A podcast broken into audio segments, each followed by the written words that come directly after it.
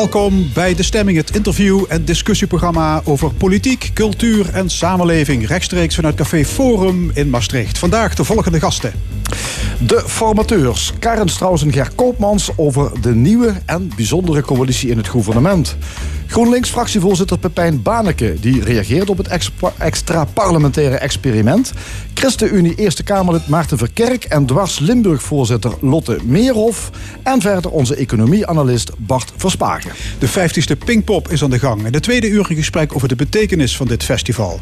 Dan ook een column en het discussiepanel. En muziek. En die is vandaag van het klarinettrio van de Philharmonie Zuid-Nederland.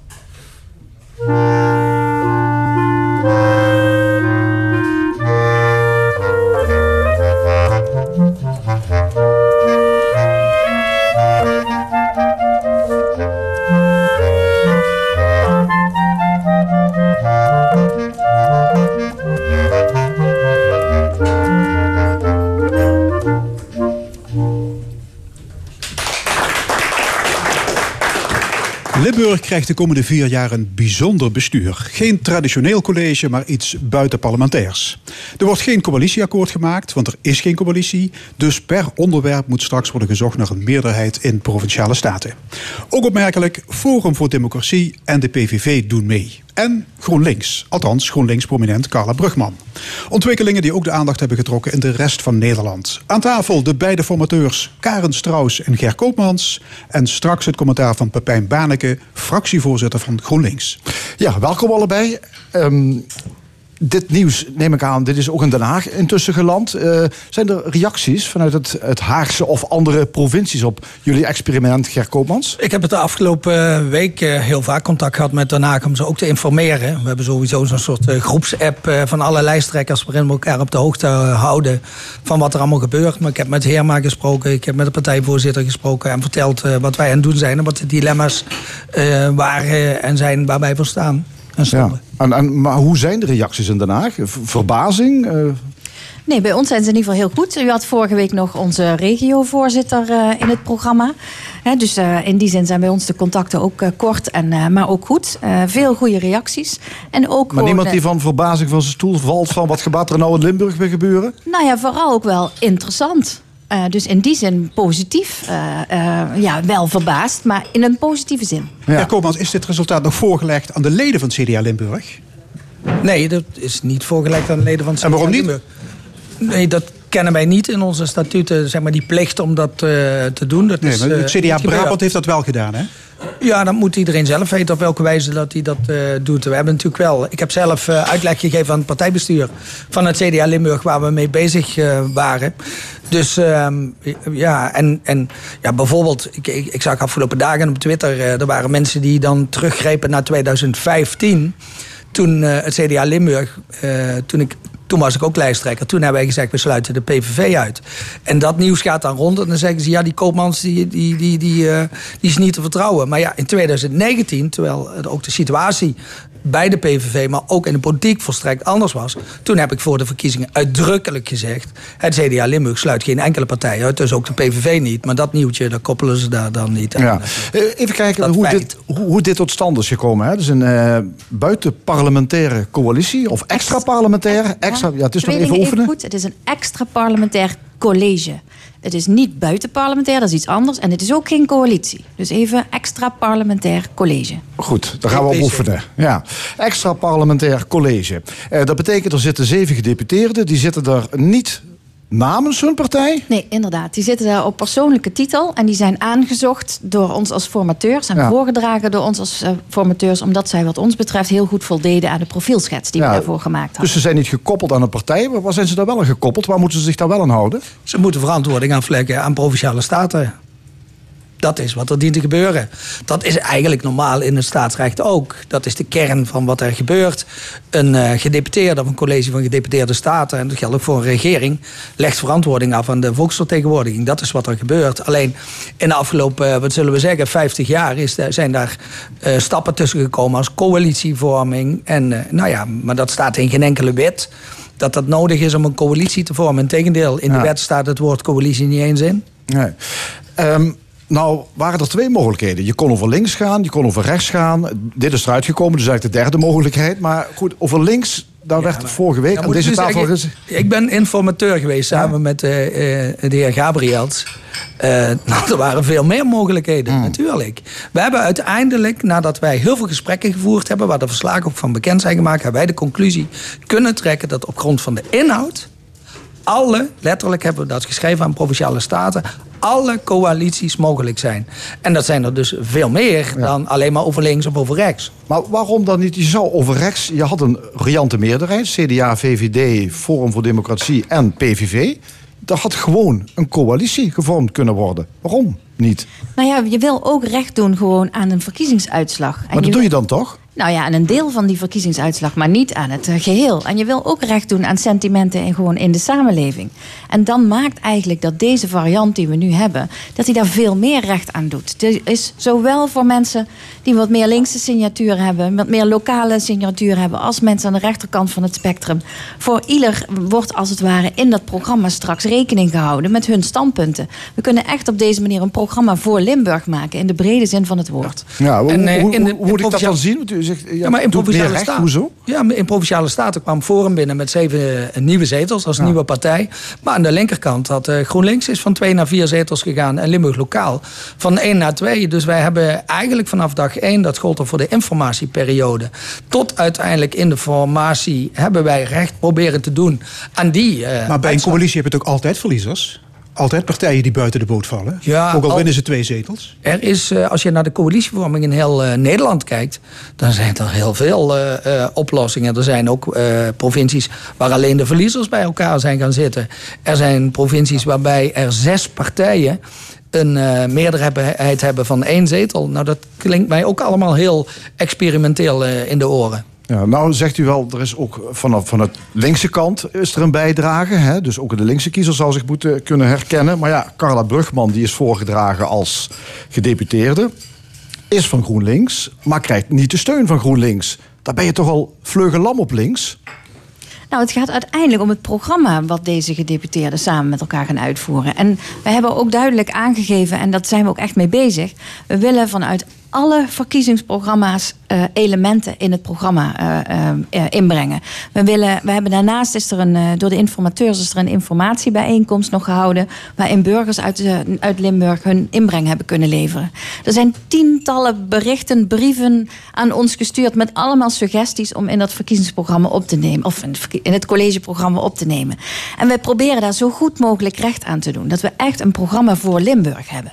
Ja, maar, Ja, we hebben met maar toch vraag ik me af, wat, moet je, wat kun je verwachten aan de linkerkant als de gedeputeerde die voor een linkse partij toch jaren actief is geweest, als hij de steun niet krijgt van haar partij? Nou, het is eigenlijk niet zo heel ingewikkeld. Er wordt een collegeprogramma gemaakt waar mevrouw Brugman bij zit. We hebben gisteren vier uur lang uiterst succesvol en plezierig met elkaar vergaderd. Zij is groen en zij is links.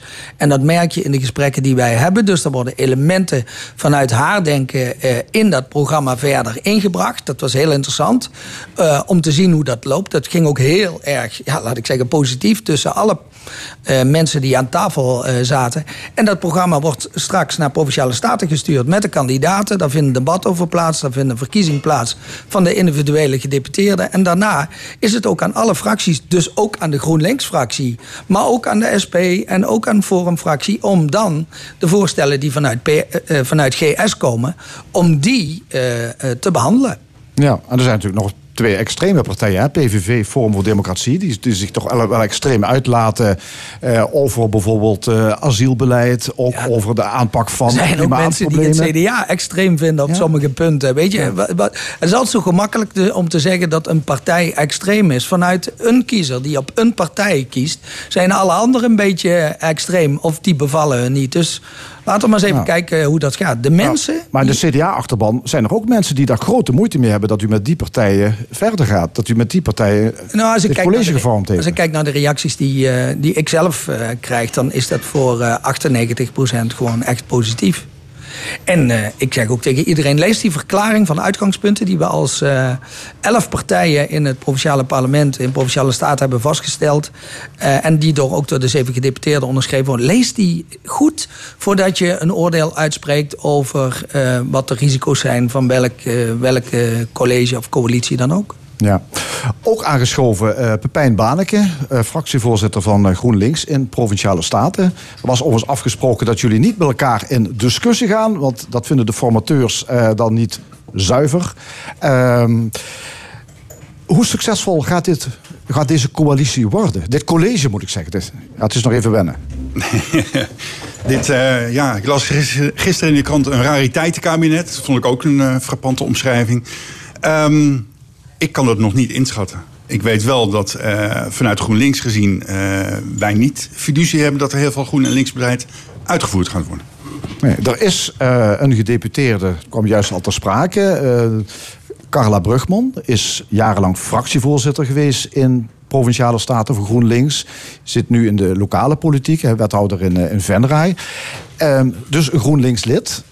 Hoe hoe, wist, uh, hoe heeft u te horen gekregen dat zij toetreedt tot dit, dit college? Zij heeft mij daarover over geïnformeerd. Uh, op de donderdagavond voordat de persconferentie, persconferentie, was op vrijdag. Ehm, zij heeft dit als voldongen feit aan mij meegedeeld. Dus er was geen ruimte voor discussie. Wat vond u ervan? Nou ja, ik was natuurlijk overdonderd. Laten we het beestje maar die naam geven. En ehm, ik was op dat moment niet echt in de gelegenheid, want ik stond op een feestje, om daar inhoudelijk veel op te reageren. Maar ik heb de volgende ochtend wel met haar nog eh, gecommuniceerd dat GroenLinks dit geen manier van handelen vond en ook geen verstandige stap voor haar privé. Ja, wat, en, nu verder? Want ja, GroenLinks wil, uh, kan zich hier niet in vinden in dit college. Maar er zit wel een GroenLinks in het college. Hoe moet dat? Nou, weet, weet, u, uh, als GroenLinks hebben wij gezegd. Uh, toen dit uh, vehikel op de proppen kwam. vanuit de informateurs extra parlementair college. Goed, willen we eventueel meedoen. Maar dan vinden we ook dat er onafhankelijke gedeputeerden moeten worden gekozen door de Staten. En die moeten geworven worden door een onafhankelijk nou, orgaan, zeg maar. Een soort, soort kandidatencommissie. Daar wenste men niet in mee te gaan. Men was denk ik bang, uh, A, voor de directe lijntjes tussen het college en de politiek. En B, dat er wel eens mensen op zouden kunnen staan die beter gekwalificeerd waren dan de huidige uh, kandidaten vanuit de politieke partijen. Nou ja, die kans die is natuurlijk aanwezig en misschien wel even groot. Dus wat dat betreft ja, vinden wij het heel jammer dat we niet op die weg zijn ingegaan. Ja. Heeft u uh, vertrouwen in mevrouw Brugman dat ze het groene en het linkse geluid in dit college kan laten horen? Mevrouw Brugman heeft de afgelopen jaren voor. Kleine pauze. Voor GroenLinks uh, heel veel goed werk verzet. Wij zijn wel bang dat zij ondersneeuwt in het compleet rechtse geluid van dit hele college. Want eigenlijk is zij ja, een doekje voor het bloeden. Zo zien wij het. Ja, de, ik zag dat er ook leden zijn die vinden dat zij geroyeerd moet worden als GroenLinks-lid. Wat vindt u? Uh, wij hebben daar uh, samen met de fractie en het bestuur gisteren een spoedoverleg uh, over gehad. Het bestuur heeft aangedragen bij het uh, landelijk bestuur om haar inderdaad te royeren. En voornamelijk om de reden dat je niet als GroenLinks-lid in een uh, constructie kan gaan zitten waar je als GroenLinks-partij tegen bent. Ja. Wat doet de meeste pijn? Bij mij uh, het mislukken van het formatieproces voor GroenLinks. Wat uh, mevrouw Brugman betreft, ja, dat vind ik jammer. Maar dat vind ik ook voor haar persoonlijk jammer. Maar voor mij persoonlijk vind ik de mislukken voor, uh, van het formatieproces... en het meedoen al of niet voor GroenLinks jammer. Ja, dan kun je ook zeggen, GroenLinks was altijd een partij van, van, van vrijdenkers. Hè? Zo, zo, stond de partij toch wel bekend. Nou is er een experiment. Uh, daar gaat iemand zitten, niet namens de partij, maar wel als GroenLinks, althans iemand vanuit het GroenLinks gedachtegoed. Is dat niet gewoon uh, ook eens uh, spannend om te volgen wat hier gaat gebeuren? Het is natuurlijk heel spannend om te, gaan, ja. om te volgen wat er gaat gebeuren. Nee, ik denk dat, niet meteen dat, een royement aan te vragen, bedoel ik dan? Nou ja, maar dat is een kwestie van uh, partijregels. En die heeft elke partij. Ik kan me niet voorstellen dat binnen het CDA of de VVD zo'n stap uh, niet ook zou leiden tot uh, sancties. Ja. Maar ik, ik sprak gisteren met mevrouw Brugman ja. en ze zei... ik heb gesproken met allerlei GroenLinksers in Limburg... en die vinden het een goed plan dat ik toetreed tot dit uh, extra parlementaire college. Zelfs uh, meneer Gabriels, een van de beide informateurs. Moet je niet eerst binnen GroenLinks een stevige discussie hebben... voordat je zegt... Had mevrouw Brugman dan niet eerder die discussie moeten voeren binnen, binnen GroenLinks... alvorens die stap zelf te nemen? Dat lijkt me de koninklijke weg. Ja, maar misschien komt er door haar inbreng wel een heel mooi groen-links geluid uh, dadelijk naar voren. Denkt u dat dan werkelijk? Als je ziet met wat voor partijen deze uh, coalitie, want ik noem het toch maar een coalitie, uh, plaats, gaat, ja, plaats gaat vinden, denk ik niet dat zij daar veel invloed gaan hebben. Ja, terwijl ik net hoor van de formateurs dat dit, deze constructie zo bedacht is dat je van links tot rechts alle geluiden bij elkaar kan brengen. Ja, wij hebben in onze uh, beschouwingen in het debat gezegd van alle partijen zouden gelijk moeten zijn. Maar in deze constructie zijn sommige partijen gelijker dan andere, want die hebben gewoon veel meer invloed. Dus ik denk niet dat dat bewaarheid gaat worden. Nee, ik denk, ik denk niet dat, dat, nee. uh, dat het geluid serieus genomen gaat nee, worden. Per definitie niet. Ja, nou, hoe nu verder? Wij gaan uh, constructief oppositie voeren. Zoals ja. van GroenLinks te verwachten valt. Oké, okay, nou, het worden spannende tijden dan. Zeker. Dank u wel, Pepijn Baneke van GroenLinks.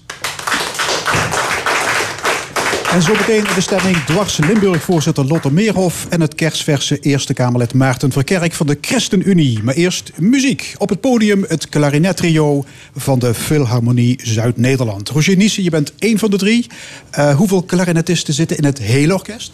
Uh, wij zijn met vijf. Um, ja, natuurlijk spelen we zelden samen. Straks in uh, september bijvoorbeeld doen we Grote Symfonie van Malen. Zijn we alle vijf ingedeeld. Maar meestal uh, speelde zich af in twee verschillende uh, geledingen van het orkest. Maar vandaag zijn we met z'n drieën. Jullie zijn hier ter gelegenheid van Jeker Klassiek. Jekerdal is de naam van de buurt waar we in, in zitten. Wat is de bedoeling? Uh, het is een gratis toegankelijk festival. Vindt voor de vijfde keer plaats inmiddels. Een samenwerking tussen uh, ondernemers in het Jekerkwartier en uh, Philharmonie Zuid-Nederland. zijn allemaal korte, kleine, lichte kamermuziekconcertjes... door verschillende ensembles van ons orkest, maar ook van daarbuiten. Bijvoorbeeld nu om half één, dan beginnen ze met de vier jaargetijden... van Vivaldi, twaalf strijkers, bij Café Chic... En wij zijn straks in de Waalse Kerk drie keer te horen. Moet uh, klassieke muziek uh, uit de Ivoren Toren? Volgens mij zijn we daar al een tijd mee bezig om uit die Ivoren Toren te komen. En uh, dicht bij publiek, zoals het dus hoort, past heel goed bij deze muziekkeuze wat we hebben. Hè? Stel je even voor de Spotify van de 17e eeuw. Uh, Mozart schreef opera's. Die deuntjes moesten natuurlijk ook op straat door de mensen gehoord worden. En werden in allerlei bezettingen hergecomponeerd. En wij doen vandaag een paar van die korte stukjes. Waarom heb jij gekozen voor de klarinet? De basklarinet?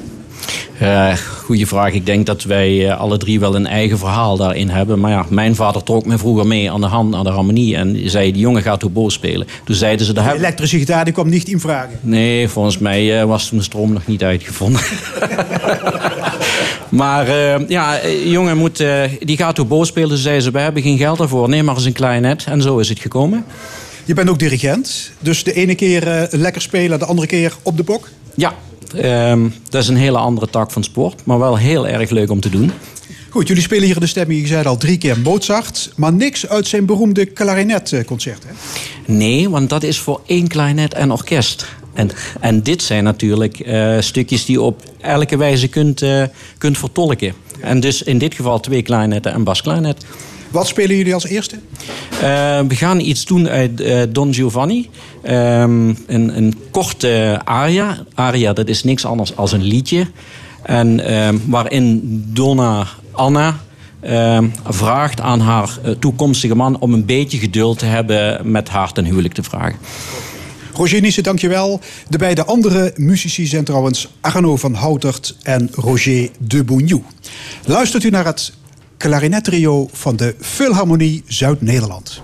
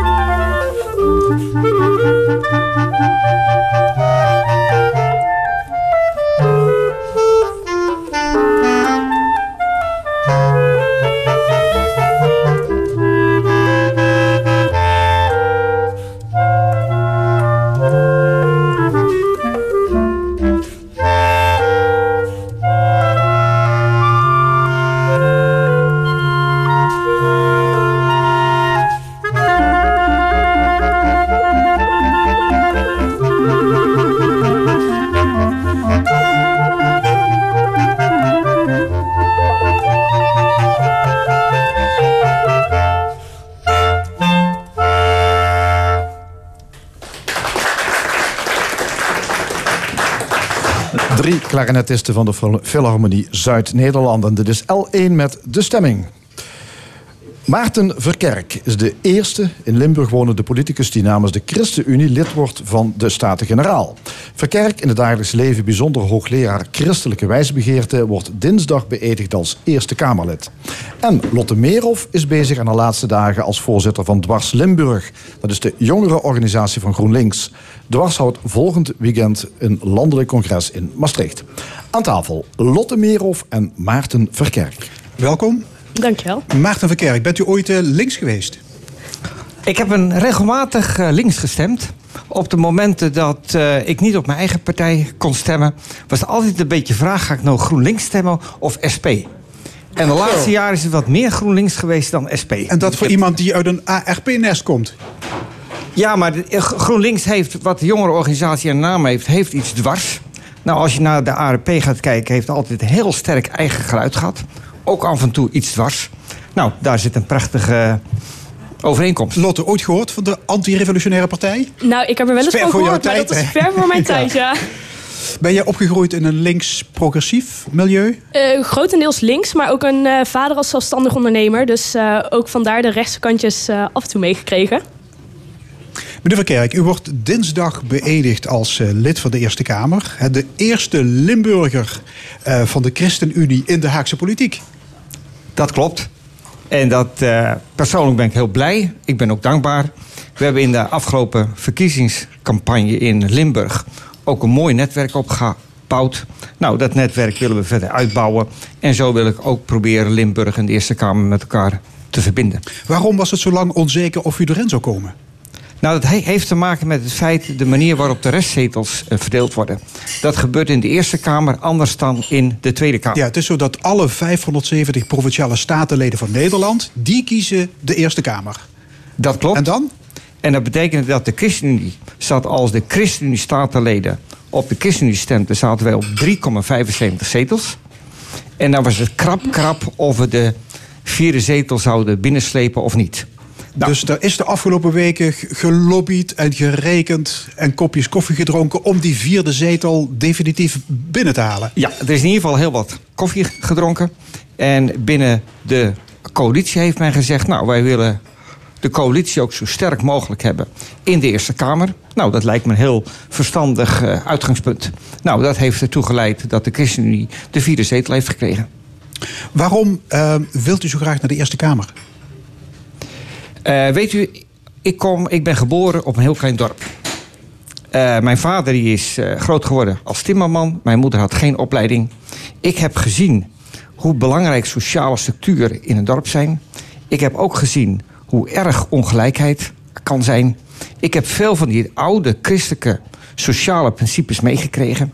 Ik vind die nog steeds uitermate waardevol in deze maatschappij. En daarom wil ik naar Den Haag toe. Ja, uit engagement. Ja. Eigenlijk, ja. Ik hoorde u op L1 TV zeggen, ik hou van nadenken. Ja, dat, dat speelt ook een rol.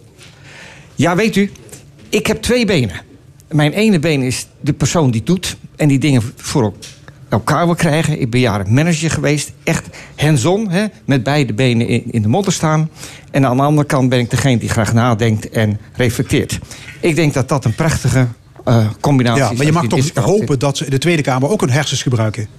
Natuurlijk. Hè? En er zitten hele goede politici en hele goede denkers ja. in de Tweede Kamer. Alhoewel, als je het Kamerlid Osturk tekeer ziet gaan... dan begin je daar wel eens aan te twijfelen. Maar goed, u stond, u zei het al, ook op de Limburgse kandidatenlijst... bij de Provinciale Statenverkiezingen. U stond echt te trappelen om uw debuut te maken in de actieve politiek?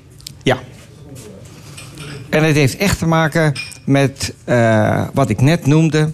Uh, ik heb een brede maatschappelijke ervaring. Ik heb een brede denkervaring. En als ik nou zie wat er in de Eerste Kamer nodig is, ook gezien de situatie in Nederland, wil ik daar graag naartoe gaan. En er zijn er twee punten die ik naar voren wil brengen. Er zijn steeds meer discussies over de rechtsstaat. Ja. Er zijn partijen die de rechtsstaat aanvallen. De populistische partijen. Ik vind het heel erg onbestaanbaar. En het tweede is, er zijn partijen... We komen straks nog te spreken over die extra parlementaire Hartstikke goed. Bestuur. En het tweede wat ik heel gevaarlijk vind... er zijn partijen die geen respect, respect hebben voor elke burger... onafhankelijk huidskleur, afkomst, seksuele voorkeur, et cetera, et cetera. En dat vind ik ook heel erg. Nou, dit zijn mijn twee grote motivaties om naar Den Haag te gaan. U bent academicus, u bent hoogleraar filosofie. Zouden meer intellectuele vuile handen moeten maken? Uh, ja. En dat uh, gaan we zien hoe dat gaat. Ook aan tafel Lotte Meerhof, voorzitter van Dwars Limburg. Dat is de onafhankelijke jongerenorganisatie van GroenLinks. Uh, jullie vinden trouwens dat de Eerste Kamer moet worden afgeschaft. Waarom? Ja. Ja, het, uh, wat we zien hier is dat er spelletjes plaatsvinden, politieke spelletjes, thee drinken van tevoren met elkaar. Om na te denken van, hé, hey, hoe gaan we die restzetels nou verdelen? Waardoor je ziet dus dat inderdaad ChristenUnie een vierde zetel krijgt.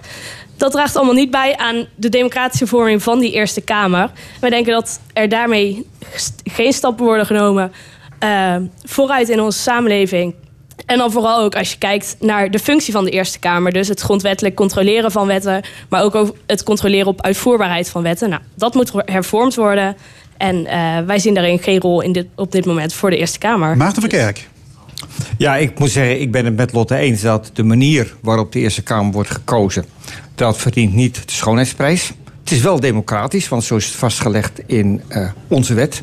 Als je ziet naar de kwaliteit van onze besluitvorming, hoe vaak we zien dat daar grote vragen bij zijn, dan vind ik het niet ondemocratisch dat een Eerste Kamer is. Sterker nog, er zijn ook goede argumenten voor een Eerste Kamer. Maar u weet dat de Eerste Kamer niet alleen maar een zogenaamde chambre de réflexion is. Hè? Maar het is ook een politiek orgaan. En zo staat het trouwens ook in de grondwet. Ja, het is heel duidelijk een, een politiek orgaan.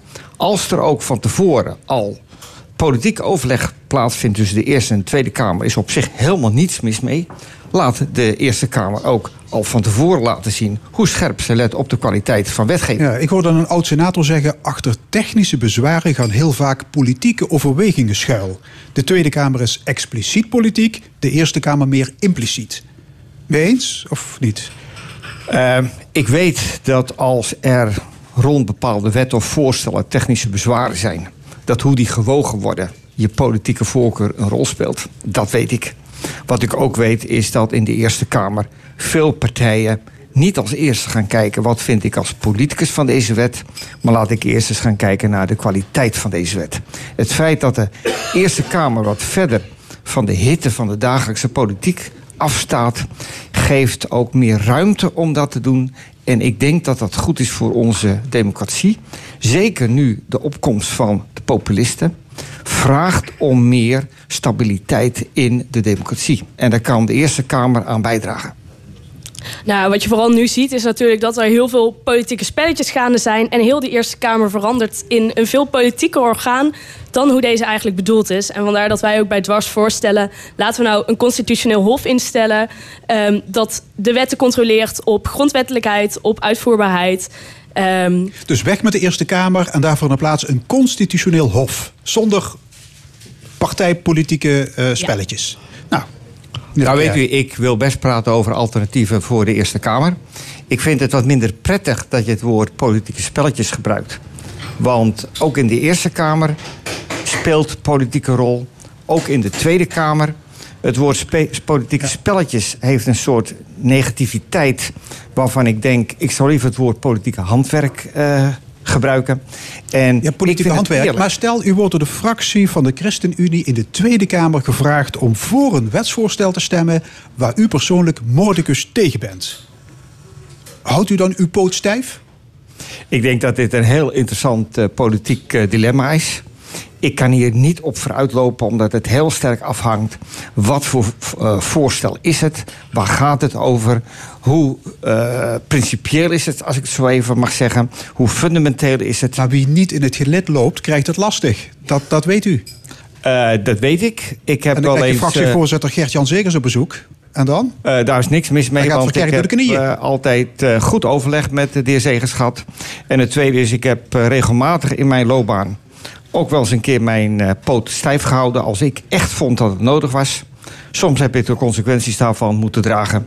Als ik even ga kijken hoe de ChristenUnie als, politiek, als politieke partij in elkaar zit, dan zijn de persoonlijke verhoudingen heel goed.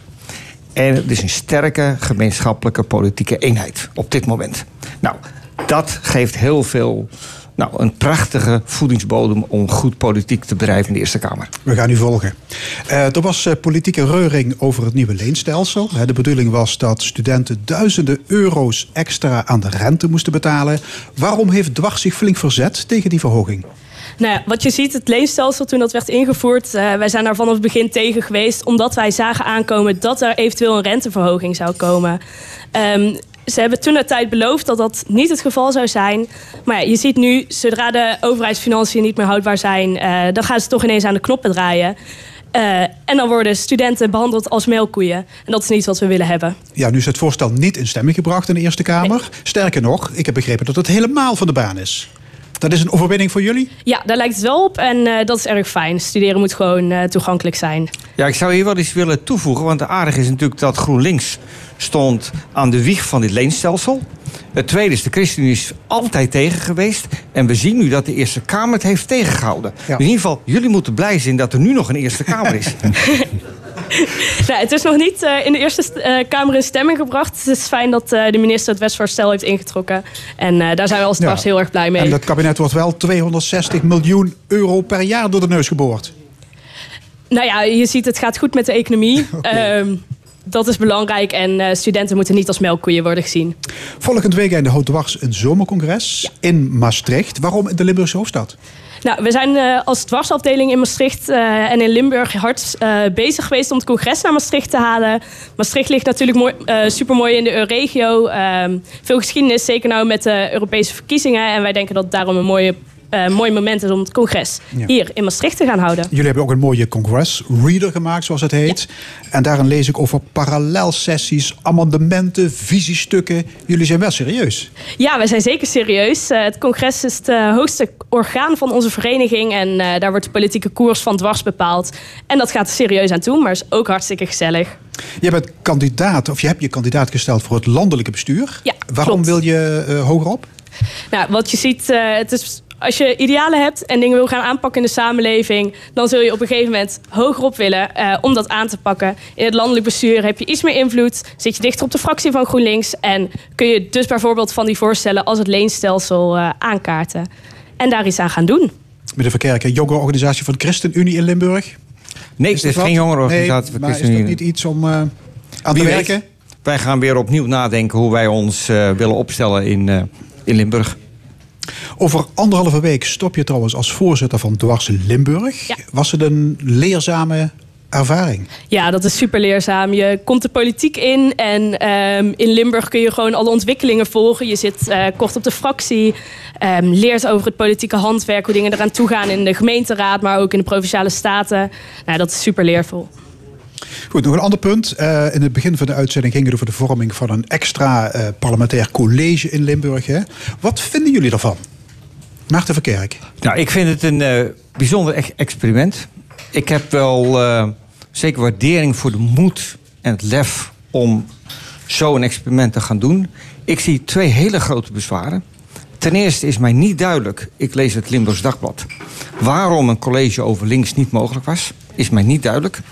En het tweede is, er wordt samengewerkt met twee partijen, Forum voor Democratie en de PVV, die tot nu toe getoond hebben niet sterk rechtsstatelijk te zijn.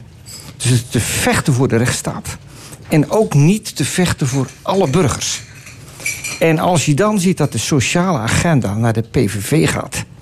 En duurzaamheid naar Forum voor Democratie. Ik hou mijn hart vast. Maar die Dit beide partijen hebben bij de verkiezingen 28% van de stemmen behaald. Dat is helemaal je- waar. En ik heb er ook wel respect voor dat die 28% dat daar ook recht aan wordt gedaan. Maar ik heb er geen respect voor dat die partijen de fundamenten van de rechtsstaat aan de orde stellen of willen laten schudden. En ik heb er ook geen respect voor dat die partijen geen respect hebben voor alle Nederlanders. En door ze op te nemen in het bestuur maak je twee rechtsradicale partijen salonveeg, zoiets? Nou, het feit dat je salonveeg maakt, is nog ineens het punt. Ik wil hen beoordelen op het beleid. En wij als ChristenUnie zijn er fel op tegen als burgers ongelijk behandeld worden. En de sociale agenda in de handen van de PVV. Het is onbegrijpelijk voor mij. En duurzaamheid in Forum voor Democratie onbegrijpelijk voor mij. Lotte Meerhoff, voorzitter Dwars Limburg. Ja, oud eh, GroenLinks fractievoorzitter Carla Brugman in één college met PVV en Forum. Wat vind je ervan? Lijkt ons niet verstandig. Ehm, GroenLinks eh, steunt het eh, extra parlementaire college niet. Daar staan wij volledig achter. Wij zouden ook graag een, uh, een, een links-middencoalitie zien. met onder andere GroenLinks. En dan gewoon de GroenLinks gedeputeerden die wij op het oog hadden. Ja, ik deel voorlopig de analyse die Lotte geeft. Oké, mag ik jullie beiden hartelijk danken. Maarten Verkerk, Eerste Kamerlid van de ChristenUnie... en Lotte Merel, voorzitter van Dwars Limburg. Dankjewel. En op deze eerste Pinksterdag hoorde u in de stemming muziek van een klarinettrio van de Philharmonie Zuid-Nederland. Met werken van Wolfgang Amadeus Mozart. Uit de opera Le Nozze de Figaro gaan we luisteren naar de arietta Voi che sapete.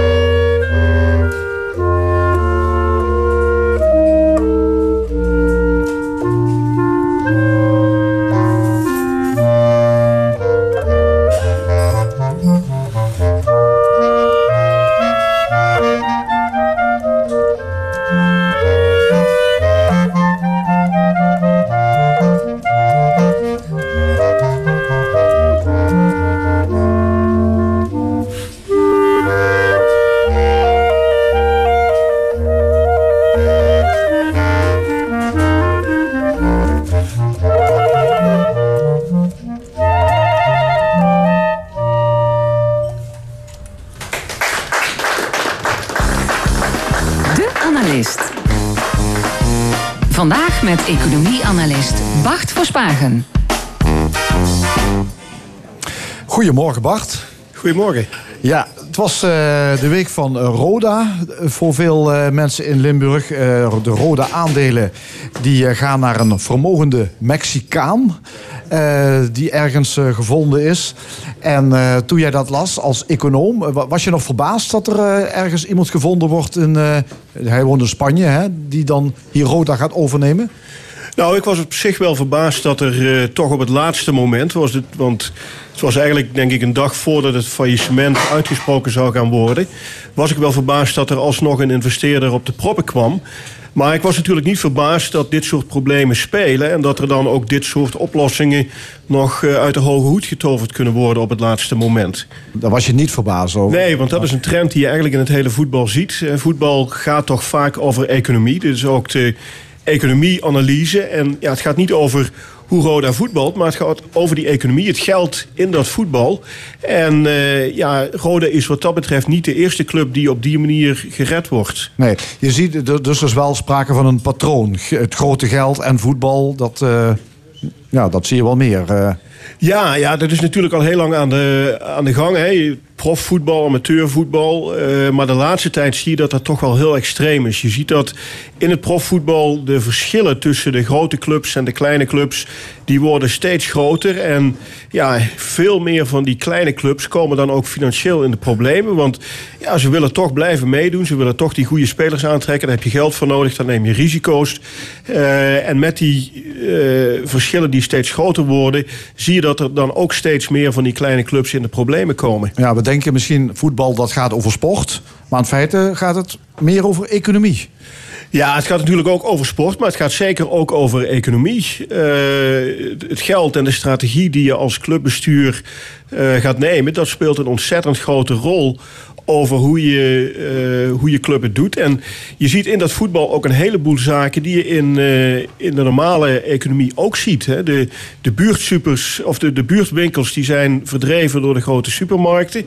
En dat zie je in het voetbal ook. De kleine clubs, de kleine regionale clubs, die gaan ook verdreven worden. Zijn al eh, bijna verdreven door de grote clubs. Ja, wil ik zo meteen opkomen. Maar misschien is het dus goed om te kijken naar zo'n investeerder. In het geval van Roda komt er een Mexicaan die in Spanje al al een voetbalclub eh, heeft, hè? Eh, Murcia. Ehm, waarom willen investeerders überhaupt een voetbalclub kopen? Ja, dat is een hele goede vraag. Ik denk dat daar een eh, aantal motieven bij spelen. Je ziet eigenlijk dat het altijd mensen zijn die op een of andere manier heel veel geld verdiend hebben. Dat kan ook tegenwoordig in de economie. En als je dat hele grote geld dan hebt, ja, wat ga je daar dan mee doen? Eh, wij als gewone burger spelen misschien voetbalmanager op de PC of op de PlayStation. En zij kunnen gewoon een club kopen, een eh, kleine club. En dan ja, hebben ze hun eigen club, kunnen ze daar eh, iets mee gaan doen, kunnen ze spelers kopen. Natuurlijk hopen ze ook dat ze daar eh, nog winst mee maken. Want ja, als je een speler goed kunt verkopen, dan is het gewoon een bedrijf en dan heb je daar winst uit. Is dat Maar- niet hun primaire drijfveer? Ik denk het niet. Eh, ik denk als dat echt de primaire drijfveer was, dan zou je het beter dat geld kunnen investeren in een eh, andere sector waar de risico's wat kleiner zijn. Want er zijn maar heel weinig eh, van dat soort mensen die echt geld verdienen met het kopen en het exploiteren van een voetbalclub. Ja, maar een, een eh, Mexicaan die in Spanje woont en nog nooit van Roda gehoord heeft, waarom zou die zijn geld duwen in, in zo'n club als, het, als je het ook op andere manieren kan. eh, Korotai heeft ook nog nooit van Rode JC Nee. gehoord, denk ik. Ja, nou kijk, die mensen zijn natuurlijk op zoek naar clubs die op een gegeven moment in de moeilijkheden komen. En eh, ze ontdekken dat dan. En ze zullen ook ongetwijfeld andere clubs eh, bekeken hebben. Deze man heeft in Spanje al geïnvesteerd in een club. Dat is allemaal niet zo heel goed afgelopen. Of dat loopt op dit moment nog niet zo heel goed. de club is vooral bekend om het eh, financiële beleid, geloof ik, en dan in een negatieve zin. Ja, en allerlei discussies met andere aandeelhouders en problemen die daar ontstaan. Maar ja, dan kun je misschien ook als investeerder weer eens op zoek gaan naar een andere club. En dan probeer je daar weer eens. En ja, eh, misschien dat als het over een paar jaar hier niet zo goed gaat, dan gaat hij weer eens op zoek naar een andere club. Ja. Maar je zegt, eh, er zijn andere manieren om meer geld te verdienen, misschien makkelijker zelfs geld te verdienen. Is, is, vinden ze het dan ook nog, ook nog een beetje leuk? Is het een beetje patserig misschien om een voetbalclub te hebben of zoiets? Ja, ik denk het zeker wel. Hè. Eh, Als je voetballiefhebber bent, als je voetbal leuk vindt... dan is het natuurlijk fijn en mooi om op die tribune te gaan zitten... en dan eh, ja, de eigenaar van de club te zijn. Hè. Je kunt dan ook eh, bepaalde dingen naar je hand zetten. Je kunt daar eh, mee naar buiten treden. En het is een beetje de droom, denk ik, van veel mensen... die misschien zelf nooit het voetbal hebben kunnen spelen op dat niveau... om dan toch op die manier een rol te gaan spelen. Ja, zoals je ook oldtimers of kunst kan verzamelen. Komt er ook nog een beetje bij kijken. Gewoon het gevoel van, ik heb geld en ik doe er iets mee. Ja, zeker. Ah, ja. ja, want echt, eh, echt winstgevend, zeg je, is het niet per definitie. Nee, ik denk überhaupt dat het voetbal eh, ook voor de grote clubs eigenlijk niet echt winstgevend is. Eh, en als je die winst haalt, ja, dan moet dat uit die ene klapper komen. Dat je een speler jong aantrekt als die nog niet zo heel veel waard is op de transfermarkt. Want dat is hoe we over spelers denken tegenwoordig. Eh, en dat die handelswaar, speler. ja. Ja. het is handelswaar. En die speler ontwikkelt zich dan goed. En eh, wellicht dat je dan hem goed kunt verkopen aan een club die belangstelling heeft in het buitenland. Ja. Je hebt de, de investeerders dus, hè, de, de, de rijke mannen zijn het meestal, die dan eh, zo'n club willen kopen. Aan de andere kant heb je ook natuurlijk de overheid, hè, de gemeente, de lokale overheid. eh, die kunnen meestal de verleiding ook niet weerstaan om toch ook in zo'n club te investeren. Wat, wat, wat, wat zie je daar voor patroon? Waarom doen gemeenten dat? Ja, daar zie je heel duidelijk eh, de economische kant van de politiek. Want eh, stel je voor, je bent eh, verkiesbaar eh, in een bepaalde stad. Eh, daar is een profvoetbalclub, die doet het heel goed. Maar dan gaat het wat minder met die club. Die club heeft natuurlijk een schare van supporters. En die club moet gered worden. Ja, hoe kun je je populairder maken dan door die club op dat moment te gaan steunen? Als jij toevallig in het college zit of als je in de gemeenteraad daar je stem voor kunt, kunt uitspreken. Dan kun je bijna geen nee zeggen. Want op het moment dat je dat wel zou doen, ja, dan kost je dat natuurlijk ontzettend veel stemmen als de verkiezingen er weer aankomen. Ja, ja electoraal eh, gewin eh, speelt mee. Maar van de andere kant, ook eh, financieel kan het moeilijk zijn. Hè? Bijvoorbeeld eh kerkraden, dat stadion, dat moet natuurlijk wel allemaal afbetaald worden. Er moet rente betaald worden. Als, als dat geld er niet is, ja. Ja, maar dat is toch. Dat, dat argument gaat spelen als je eenmaal erin zit. Hè. Op het moment dat je moet beslissen om de eerste euro daarin te investeren, dan kost het de gemeente natuurlijk geen geld. Maar heb je er eenmaal miljoenen ingestoken en is het argument van ja, als ik er nu niet nog een miljoen insteek, dan ben ik alles wat ik eerder geïnvesteerd heb kwijt. Ja, dan gaat dat natuurlijk spelen. Maar bij die eerste keer die beslissing te nemen om te gaan investeren, ja, dan is het toch vooral dat electorale gewin wat men daar ziet. Ja, bezint eer gij begint, geloof ik, hè, is het spreekwoord. Dus, ja. Ehm, er speelt veel geld in die voetbalwereld. Eh, jij concludeert eigenlijk, het, het, wordt ook, het wordt ook nog steeds meer. Hè. Economie gaat een grotere rol spelen. Zouden de voetbalbonden, zouden die niet op de rem moeten gaan staan? Ja, ik denk dat dat heel goed zou zijn. Want die bonden die hebben eigenlijk eh, toch de sleutel in handen om deze ontwikkeling tegen te gaan. Maar je ziet dat dat eigenlijk ook weer niet lukt. Hè. In Nederland heb je de KNVB, de Nationale Bond. Maar die is eigenlijk helemaal niet zo machtig. Het zijn toch weer die grote clubs, Ajax, PSV, Feyenoord nog een beetje, die daar de dienst uitmaken. En als je naar de internationale bonden gaat, de Europese bond, UEFA, ja, die spelen dat spelletje maar al te graag mee. Want daar zitten ook mensen die graag snel rijk worden van het voetbal en dat ook op allerlei, eh, soms zelfs corrupte manieren ook zien te verwezenlijken. Ja, dus met andere woorden, dan kun je ook zeggen, ja, dit, dit, dit valt dus niet te veranderen.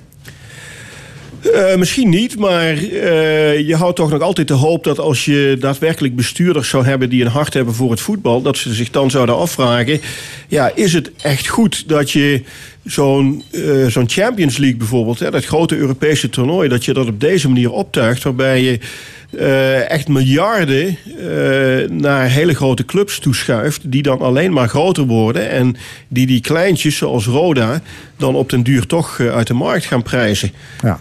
ja, want dat verschil wordt dus steeds groter. Hè? We, we- weten we iets van die, van die verhoudingen tussen wat de grote drie hebben en de rest van, van, de, van de eredivisie bijvoorbeeld? Ja, je ziet dat je kunt naar die begrotingen kijken. Aan het begin van het seizoen moeten alle clubs een begroting inleveren. En daar zie je dat de laatste vijf jaar die verschillen steeds groter zijn geworden. De grootste drie clubs, dus Ajax, Feyenoord, PSV, die hebben nu ongeveer 53% van de totale begroting in de eredivisie in handen. En een paar jaar terug, vijf jaar terug of zo, was dat nog maar 41%. Dus je ziet dat dat ook weer eh, toeneemt. En ja, dan zijn we als Nederland nog klein. Want Liverpool, de winnaar van die Champions League, die hebben dan weer een budget dat ongeveer zo groot is als de hele eredivisie bij elkaar.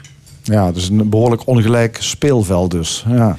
Ah. Ja, want ja, een club als Ajax kan dan misschien één jaar het goed doen. En als je dan geluk hebt, ja, dat levert dan ook veel geld op. Dat kunnen ze gaan investeren. En misschien kunnen ze op die manier aanhaken. Maar voor andere clubs is het natuurlijk bijna onmogelijk om daar nog ooit een rol in te spelen op, eh, op dat niveau. Nee.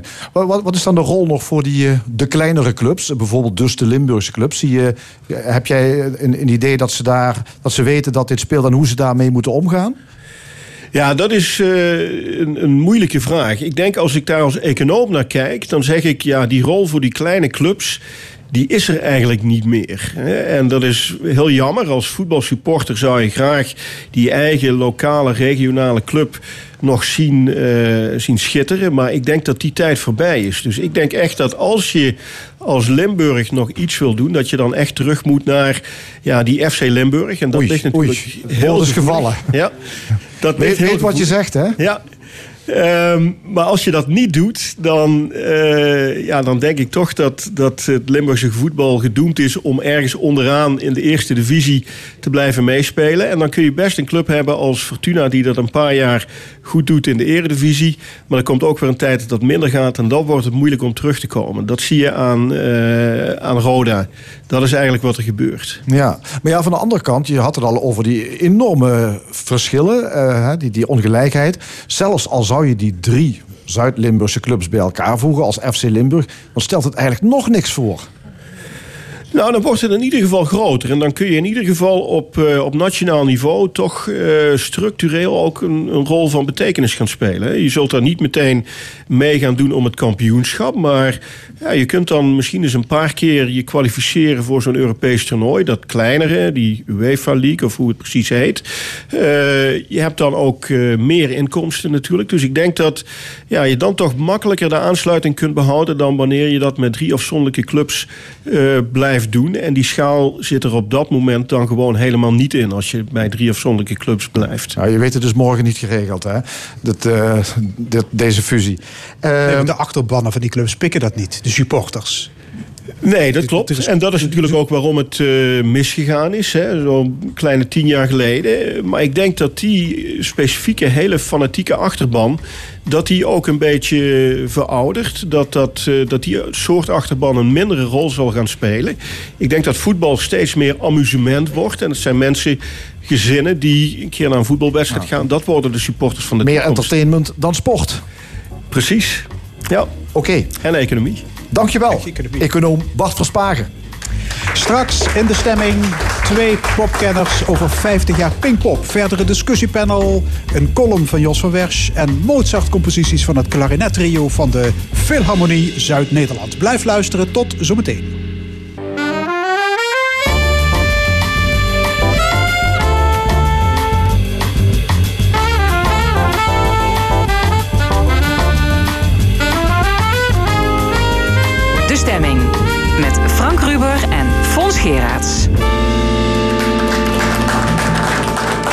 Opnieuw welkom bij De Stemming, het interview- en discussieprogramma van L1 Radio vanuit Café Forum in Maastricht. En wat allemaal nog in het tweede en laatste uur. Straks discussieert het opiniepanel, ditmaal met de oud-Kamerleden Monique Quent, Karen Leunissen en Jan de Wit over de Magnificent Seven in het provinciehuis en andere actuele zaken. Een column van Jos van Wersch, muziek van het klarinettrio van de Philharmonie Zuid-Nederland, maar eerst Pinkpop. Want dat wordt dit weekende voor de 50ste keer gehouden. De eerste keer was Pinkstermaandag 1970 in Geleen. Na eenmaal Baarlo streek het festival definitief neer op de voormalige draf- en renbaan in Landgraaf. Wat is de betekenis van Pinkpop voor de popcultuur? Wat waren de hoogte- en de dieptepunten? En is het festival nog een lang leven beschoren? We gaan het bespreken met twee popkenners. Harry Prenger, hij is hoofdredacteur van Zwart Goud. En Paul Morel is directeur van Pop in Limburg. Paul, je bent gisteren geweest. Dat Hoe klopt, was ja. uh, dag 1? Ik vond het uh, lekker. Ja, het is altijd uh, thuiskomen in Landgraaf. En uh, ik heb een tijdje voor Pinkpop mogen werken. Dus dan kom je weer alle collega's van toen uh, tegen... die je weer altijd even vriendelijk omarmen. Heel veel vrienden natuurlijk op het terrein. groepen mensen die ik al jaren daar tegenkom. Ja. En natuurlijk de muziek. En de muziek, ja, het niet in de festival wordt plaats, traditiegetrouw geopend door een Limburgse band. Gisteren Ja. was dat Mount Atlas. Hoe was zo'n optreden? Ik vond het eh, heel erg sterk. Eh, ik vond dat ze echt een hele sterke show hadden met eh, mooie visuals gemaakt door Lars uh, Eh, kunstenaar, ook eh, zelf gitarist in de band. Eh, mooi decor. Eh, ik vind dat de frontman Sven echt een fantastische show kan geven. En ja, het was energiek. De tent stond vol. Er waren zelfs circle pits. Er waren mensen die tegen elkaar aan gingen springen. Voor de luisteraars. En ja, de energie spatte er echt vanaf. Ik was echt trots Ja. op onze Limburgse inzending. En de Golden Earring, heb je die ook gezien? ja, de, de earring. Ik ben gaan kijken en het Die verbaasde stond er in me echt, eh, 1970 al op het affiche van de allereerste ja, ik vind dat toch wel heel bijzonder hoor. Eh, 50 jaar geleden hebben ze de allereerste editie van Pinkpop gered, letterlijk. Eh, en ja, nu stonden ze er gewoon weer. En ja, wat die mannen nog kunnen. Het veld stond zo propje vol. Dat vond ik echt verrassend. Echt, ja, het hele Noordpodium, het hele veld, echt tot achteraan. En mensen vonden het fantastisch. Dus, ja. Harry Prenger, je bent hoofdredacteur van Zwart Goud. Jij was er voor het het laatst in 2014. De editie met de Rolling Stones. Toen, ben ik Toen dacht je, beter kan het niet meer worden. ik ik ga niet meer. Nee, nee, precies. Toen ben ik speciaal voor de Rolling Stones wezen kijken en een kaartje gekocht. Ik denk die spelen op een half uurtje fietsen van mijn woning. In de unieke gelegenheid om de Stones nog één keer te zien. Dus ben ik toen, dat was mijn laatste Pinkpop-editie inderdaad, ja. ja. Paul, komt er een moment waarop je zegt van... ik, ik word te oud, ik haak af, ik ga niet meer? Eh, nou, wat mij betreft niet, maar deze editie laat ik even overslaan. Kijk, veel mensen gaan voor Ja, maar je bent op een gegeven moment ook gestopt. Met Zeker. gaan. Nou nee, ik wil nog wel wel naar Pinkpop gaan, maar ik laat een beetje afhangen van de line programma. van het programma. Ja. Kijk, veel mensen gaan voor de sfeer, maar mij gaat het meer om de muziek. En deze editie vond ik voor Dus mij zelfs zelf met de rollator straks, jij gaat. Als het Eventueel programma als je een rollator nodig heb, dan ga ik wel naar Pinkpop, ja zeker. Maar als popliefhebber hoef je niet per se een festivalliefhebber te zijn, hè? Nee, je kunt ook gewoon naar eh, popzalen gaan in de buurt. Hier in Limburg zijn genoeg eh, zalen wat dat betreft met een mooi aanbod. Dus wat dat betreft is de keus genoeg, eh, moet ik zeggen. Ik, ik denk inderdaad dat het echt voor, voor muziekliefhebbers heel erg varieert. Sommige mensen houden gewoon alleen van kleine intieme shows. En niet van die grote shows waar 60.000 man voor een podium staan. En soms zijn de shows daar eh, ja, op zo'n festival tour ook echt op aangepast. En een show van eh, de Rolling Stones in de arena is echt wel anders dan een show van eh, de Rolling Stones waarschijnlijk op Pinkpop. Eh, dus dat kan een, een keuze Op voor het iedereen festival zijn. gaat het ook heel vaak gewoon om het samen zijn. Vrienden, het kamperen, het blauwen, drinken. Dat soort werk. Eh, nou ja, goed. eh, dat, dat zit er voor sommige mensen ook in. Maar sommige mensen komen inderdaad gewoon voor de muziek en drinken heel weinig pintjes. En gaan vooral ook voor het gratis eh, water van WML. Dus ik weet niet. Het is een beetje dat cliché, hè? bier drinken en, eh en blowen. Ik denk dat er op een festival als Pinkpop in verhouding niet zo heel veel bier wordt gedronken. ten opzichte van bijvoorbeeld iets van een, een OLS. Dat is waar. Evenementenbier. Harry, in welk jaar kwam jij voor het eerst op Pinkpop? 1978 was mijn eerste Pinkpop. Ik was toen 16. Het was toen nog in Geleen. In het burgemeester Damenpark. En ik kan me nog goed herinneren. 78, dat was jouw 1978. geboortejaar, Paul. Ja, toen, eh, Hey. toen, eh, toen eh, ja, was ik nog net niet geboren. Maar het eind van het jaar wel. Ja. Ik kan me nog goed herinneren dat op weg naar het festivalterrein, burgemeester Damenpark, dat de inwoners van Geleen langs de stoep stonden te kijken naar ons festivalgangers. Het was best een beetje een vreemde gewaarwording, alsof wij van een andere planeet kwamen. Waarschijnlijk kwam wij ook van een andere planeet, voor die mensen. Maar het was wel heel bijzonder om dat mee te maken. En wat ik me nog kan herinneren, was het toen best wel een kille grauwe dag was. Die dag, ik kan me van de optredens ook weinig meer herinneren. Maar daarentegen maakte 1979 ruimschoots alles goed. Prachtige dag, prachtig weer. Mooie optredens van Dire Straits, Elvis Costello, Ja. Bush. En niet te vergeten de police. Ja, de police. Dat was hun doorbraak. Dat was een doorbraak. Optreden. Ja, precies. Ehm, de gitarist van de police, Andy Summers, eh, die is ook fotograaf. En in het Bonnefante Museum in Maastricht eh, wordt momenteel werk van hem geëxposeerd. Je hebt hem geïnterviewd voor Zwart Goud. Je had 40 jaar nadien kunnen denken dat ik Andy Sommers nog zou ontmoeten in het Bonnefante Museum. was Afgelopen woensdag. Ja, was een mooie dag, een mooie, mooie moment. Hij is nog steeds heel erg aardig en eh, hij praat meer over fotografie op dit moment. Dus niet over eh, de police of niet over zijn muziek. Maar het was een eh, mooie tentoonstelling ook. Hij maakt prachtige zwart-wit foto's die hij vanaf de jaren 70 maakt tot, tot op de dag van vandaag. Kon hij zich dat doorbraak optreden van de police nog herinneren? 1978? Ja, zeker, zeker. We hebben het niet echt uitgebreid gehad over dat optreden, maar dat kon hij zich zeker nog herinneren. Ja, zeker, zeker. En ook de duik in het zwembad, na afloop, backstage, met de kleren nog aan. Ja, dat, was nog allemaal in het Burgemeester Damenpark in Geleen. Hè. Er is Pinkpop 17 keer gehouden. Met een sintelbaan rondom het voetbalveld. En s'avonds was iedereen pikzwart van het kolengruis. Kan ik me niet meer herinneren, moet ik zeggen. Dat, Nee? nee? weet ik niet meer. ik wel. Nee, maar wel nog eh, die optocht naar het festivalterrein toe en dat de mensen ons stonden aan te gapen. Die invasie van dat langharig Dat- Ja, het langharig tuig inderdaad. Maar ja, goed, dat was op een gegeven moment ook voorbij. Dat is in deze tijd wel niet meer het geval, moet ik zeggen. Dat is wel veranderd in deze tijd. Ja. Zo zie je dat de rol van de popmuziek in deze tijd ook veranderd is sinds de jaren 70 eigenlijk. Daar kun je een heel sociologisch onderzoek op loslaten. Maar goed, eh, dat is misschien iets van een andere keer. Even terug naar Pinkpop. Eh, het festival scheerde een aantal keer langs de afgrond. Omdat er amper kaarten werden verkocht. Hè. Het dieptepunt was in 1985. Ehm, en vanaf toen kwam de programmering in de handen van Mojo Concerts. Was dat de redding van Pinkpop? Paul Morel. Ehm, nou ja, ik denk dat dat een hele belangrijke factor is waarom Pinkpop er nog steeds, eh, nog steeds bestaat. Dus eh, die samenwerking is heel belangrijk. Eh, Pinkpop, of eh, Mojo is onderdeel van een groot Amerikaans concern. En dat ja, biedt hun wel de mogelijkheden om de grootte der, der aarde naar Landgraaf te krijgen. En Jan deed dat vroeger nog zelf. Stapte die in het vliegtuig naar Londen of, of verder en ging die contracten sluiten. En ik denk dat ja, ja, dat was gewoon de core business van Mojo als, als boekingskantoor. Dus dat... Ja, dat klopt inderdaad. Er is in die tijd ook een kentering gekomen voor bands die heel veel uitzonderlijke gages vroegen. En Jan Smees en Pinkpop wilden op een gegeven moment niet meer die uitzonderlijke gages betalen. Met als gevolg dat die bands naar andere festivals gingen. En Noem eens een voorbeeld. nou, U2 bijvoorbeeld was een voorbeeld. Dat die vroegen een uitzonderlijk hoog bedrag. En die zijn toen naar werk gegaan, omdat Jan Smees weigerde dat te betalen.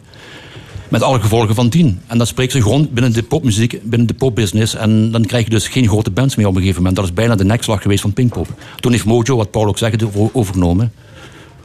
En sindsdien ja, is- Pinkpop Ja, Mojo wel, eh, doet dat tot op de dag van vandaag. Hè, van Jan vandaag. Smeets houdt zich vooral bezig met het podium, met de productie, met de catering, al de rest.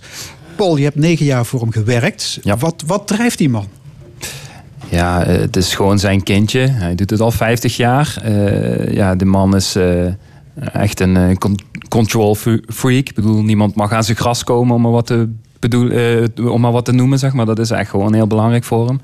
Eh, hij gaat zelf eh, frieten testen. Hè? Dus dan, eh, het is niet zomaar de frieten. Ja, ik heb begrepen dat hij zich zelfs bemoeit met de zuurgraad van de mayonaise. ja, dat heb ik ook gehoord. Eh, dus ja, goed, het, het is zijn leven. Hij, kan, hij is gewoon 's ochtends de, degene die als eerste op kantoor is en ook als laatste weggaat. En als ik op zaterdag of zondag langs het kantoor rijd, dan, dan zie ik zijn auto er weer staan, zeg maar.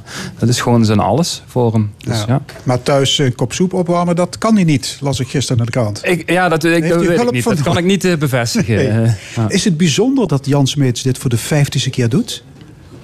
Harry? Ja, maar goed. Is dit een knappe prestatie? Op zich wel, wat Paul al zegt, Jan Smees is wel meer een symbolische functie met alle respect. Want de programmering en alles wat erbij hoort, dat doet wel Mojo. Dus hij heeft daar weinig betrokkenheid bij. Dat wel is wel Ja. zo, misschien met, met hier en daar wat kleinere dingen nog. Maar hij is voor- vooral bezig met de randverschijnselen, wat Paul ook inderdaad De- zegt. dus twee denk, standbeelden eh, voor de man is wat, ja. wat veel eer. Ik vind, Oh, nou, nee, ik nee. vind, ik Nou, vind dat wat, wat, wat weinig eer. Want eh, Jan eh, doet wel bijvoorbeeld de hele productie nog. En dat is nogal een uh, karwei. En daarnaast heeft hij wel degelijk ook nog een vinger in de pap bij de, bij de programmering. Hij heeft altijd een veto. Eh, hij belt iedere dag met mooie hoe het ervoor staat, wat er binnenkomt. Dus eh, ik zou dat niet onderschatten. Kijk, uiteindelijk is Mojo de programmeur. En, en nemen ze samen ook dat risico. Eh, maar eh, eh, Jan eh, bemoeit zich nog met alles. Tot op de dag van vandaag. Jan heeft nog één grote wens. Neil Young, Neil Young. of Bob, Bob Dylan, Dylan, op Pinkpop. Nou, dat wordt wel een moeilijk verhaal, want die vragen nogal veel geld volgens mij. De gages zijn echt torenhoog de laatste jaren. En ze moeten ook toevallig in de buurt zijn. Want die komen niet speciaal voor Pinkpop naar, naar heel Nederland toe. Maar Dat hangt allemaal met elkaar samen dat je genoeg geld wilt betalen en dat ze ook een, een programmering kunt eh, organiseren dat als festivals bij elkaar zich pakken om, om die mensen te, te krijgen. Ja, vroeger wilde hij ook heel graag Dolly Parton, maar daar hoor ik niet meer over de laatste tijd. Kijk, of, of Neil Young duurder is dan, dan bijvoorbeeld een headliner op deze Pinkpop of op eh, de, de, de Stones. Of hè, als je de Stones kunt krijgen, kun je een Bruce Springsteen, dan kun je Neil Young eh, ook wel krijgen, zeg maar. Maar ik ben het eens, eh, ze moeten er wel zijn. Hè, dus ze hebben gewoon een tour. dat wordt bij wijze van spreken twee jaar van tevoren al gepland. En als Pinkpop gewoon niet in, op het juiste moment valt, dan is de band niet in de buurt. En dan zijn ze in een ander land. En ze komen echt niet speciaal voor Pinkpop naar Landgraaf. Hoe moeten we Pinkpop plaatsen? Het is geen oude lullen festival à la Bospop. Het is ook geen avant-garde festival à la Pukkelpop. Wat is de signatuur van Pinkpop? Nou, ik denk dat ze zich vooral richten op het hele gezin. Eigenlijk een beetje een behoudende programmering hebben. Daar is verder niks mis mee. Je kunt Pinkpop niks verwijten wat ze niet willen zijn. Je kunt voor andere festivals terecht bij meer vernieuwende bandjes, zoals Lowlands of Best Kept Secret. Maar Pinkpop richt zich op het hele gezin. Je ziet ook tegenwoordig dat steeds meer ouders met hun kinderen naar het festival gaan. En onder Pinkpop is dat, wat dat betreft een goed idee om naartoe te gaan. Dus dat is de rol van Pinkpop, denk ik, nu en de komende jaren. Dat je echt eh, ja, voor het hele gezin en ook een uitgebreide programmering daarop kunt afstemmen. Paul, het is een gezinsuitje. Nou ja, ik vind Pinkpop gewoon een, een, een popfestival in de, in de puurste vorm. Het is een, eh, gewoon een breed gepro- geprogrammeerd festival voor ieder wat wils. eh, voor jong tot oud. Van, van eh, ja, nieuwe opkomende bandjes tot, tot en met ja, echte mainstream acts. Dancemuziek ook, allemaal van buren dit jaar. Ik denk dat dat ook echt de signatuur is die Pinkpop altijd al heeft gehad. Eh, ik vind dat Pinkpop zelfs in de jaren dat, dat de Golden Earring afsloot... Zeg maar, dat was toen de grote mainstream popband. Die stond toen op Pinkpop. En ik vind eigenlijk dat ze dat de hele jaren al gedaan hebben. Dat is mijn stelling. Eh, ook in de jaren dat eh, eh, bijvoorbeeld Rage Against the Machine afsloot. Of Fateless, of noem maar wat op. Dat waren destijds misschien wel de alternatieve bands. Zo hebben wij dat beleefd. Maar dat waren gewoon de grote mainstream acts die op dat moment de dienst uitmaakten. Zou Pinkpop, ehm, of zou de popcultuur er anders uitzien zonder Pinkpop?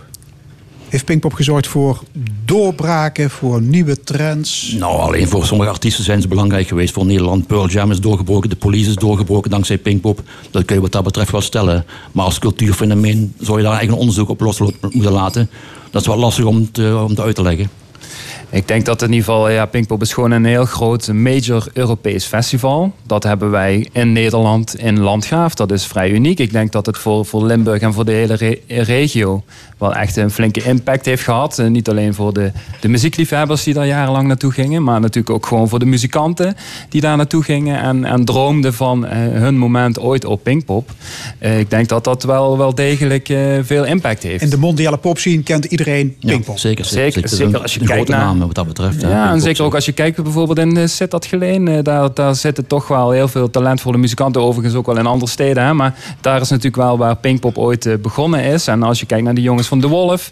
eh, die het nog steeds heel goed doen. En die nou ook wel mooi op Pinkpop staan. eh, na een Edison. Als eh, invaller. die ze gewonnen hebben afgelopen jaar. Eh, eh, of ja, gewonnen. Het is geen prijs. Hè, of eh, het is geen eh, wedstrijd Edisons. Maar eh, ja, ik, eh, ja, ik denk dat dat toch echt wel een belangrijke eh, bijdrage levert. Het zit gewoon in de DNA van, van de Limburgers, die popmuziek. Net zo goed als dat eh, de harmonie en de fanfares en die, die muziekvereniging ook ja, echt in ons DNA zit.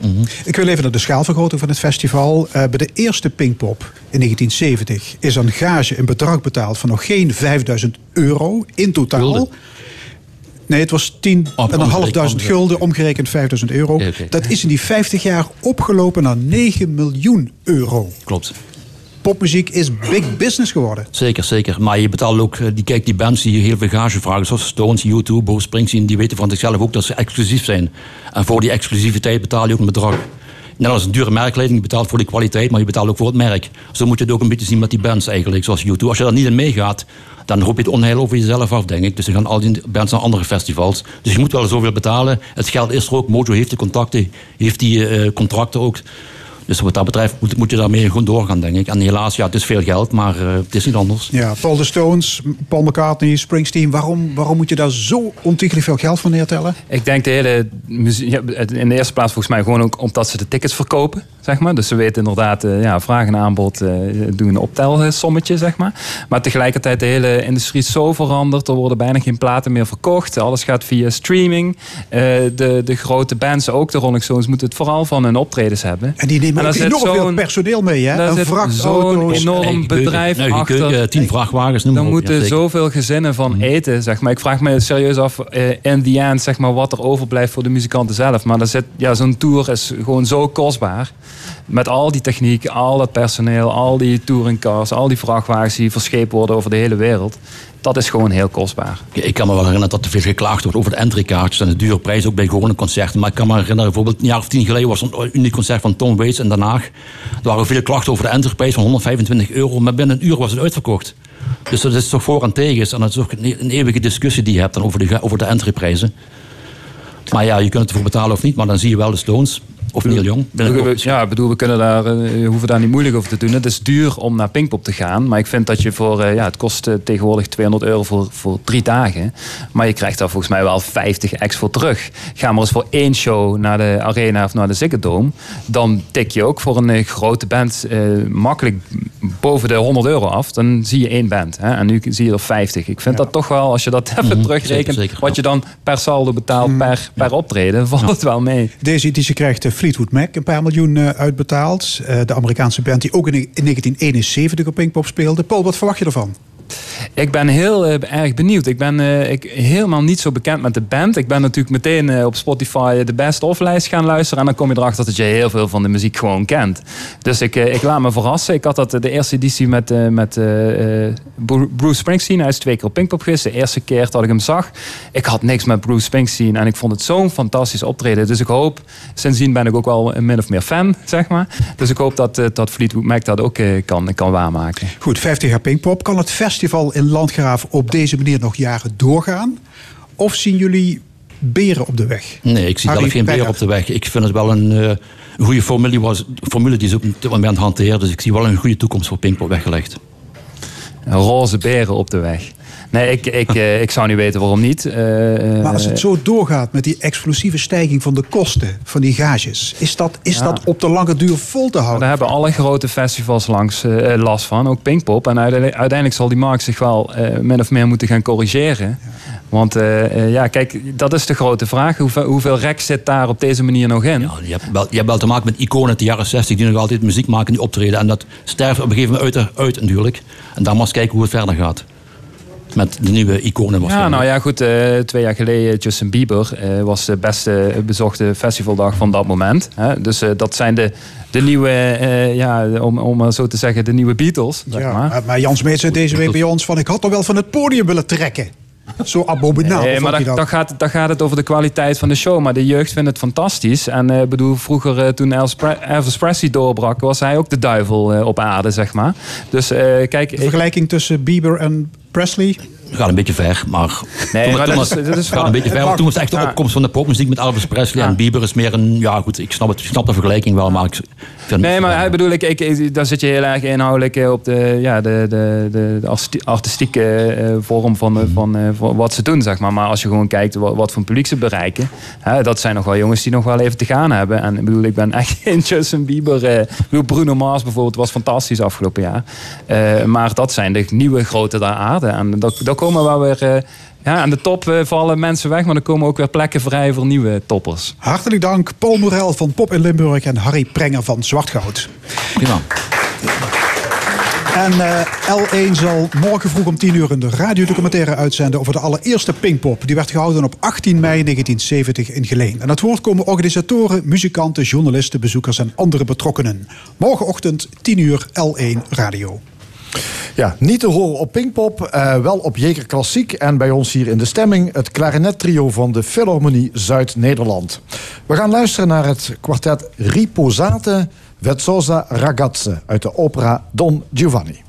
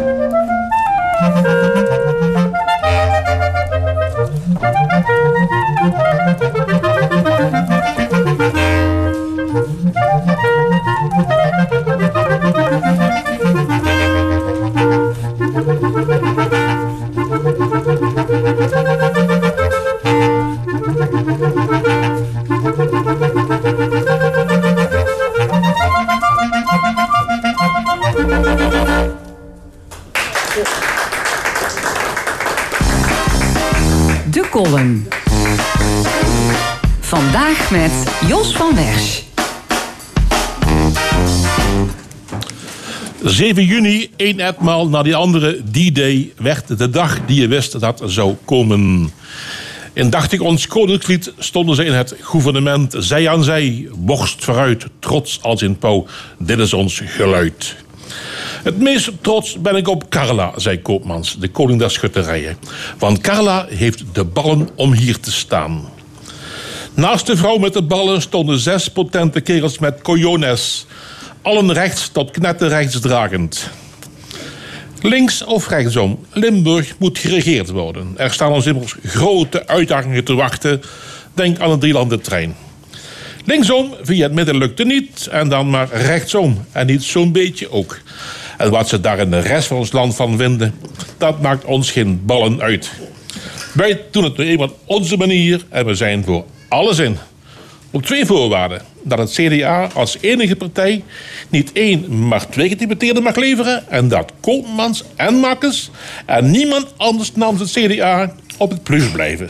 Al dus geschieden, want Deo volente. Plus, het is zoveel meer dan zomaar een woord. Plus is een verslaving.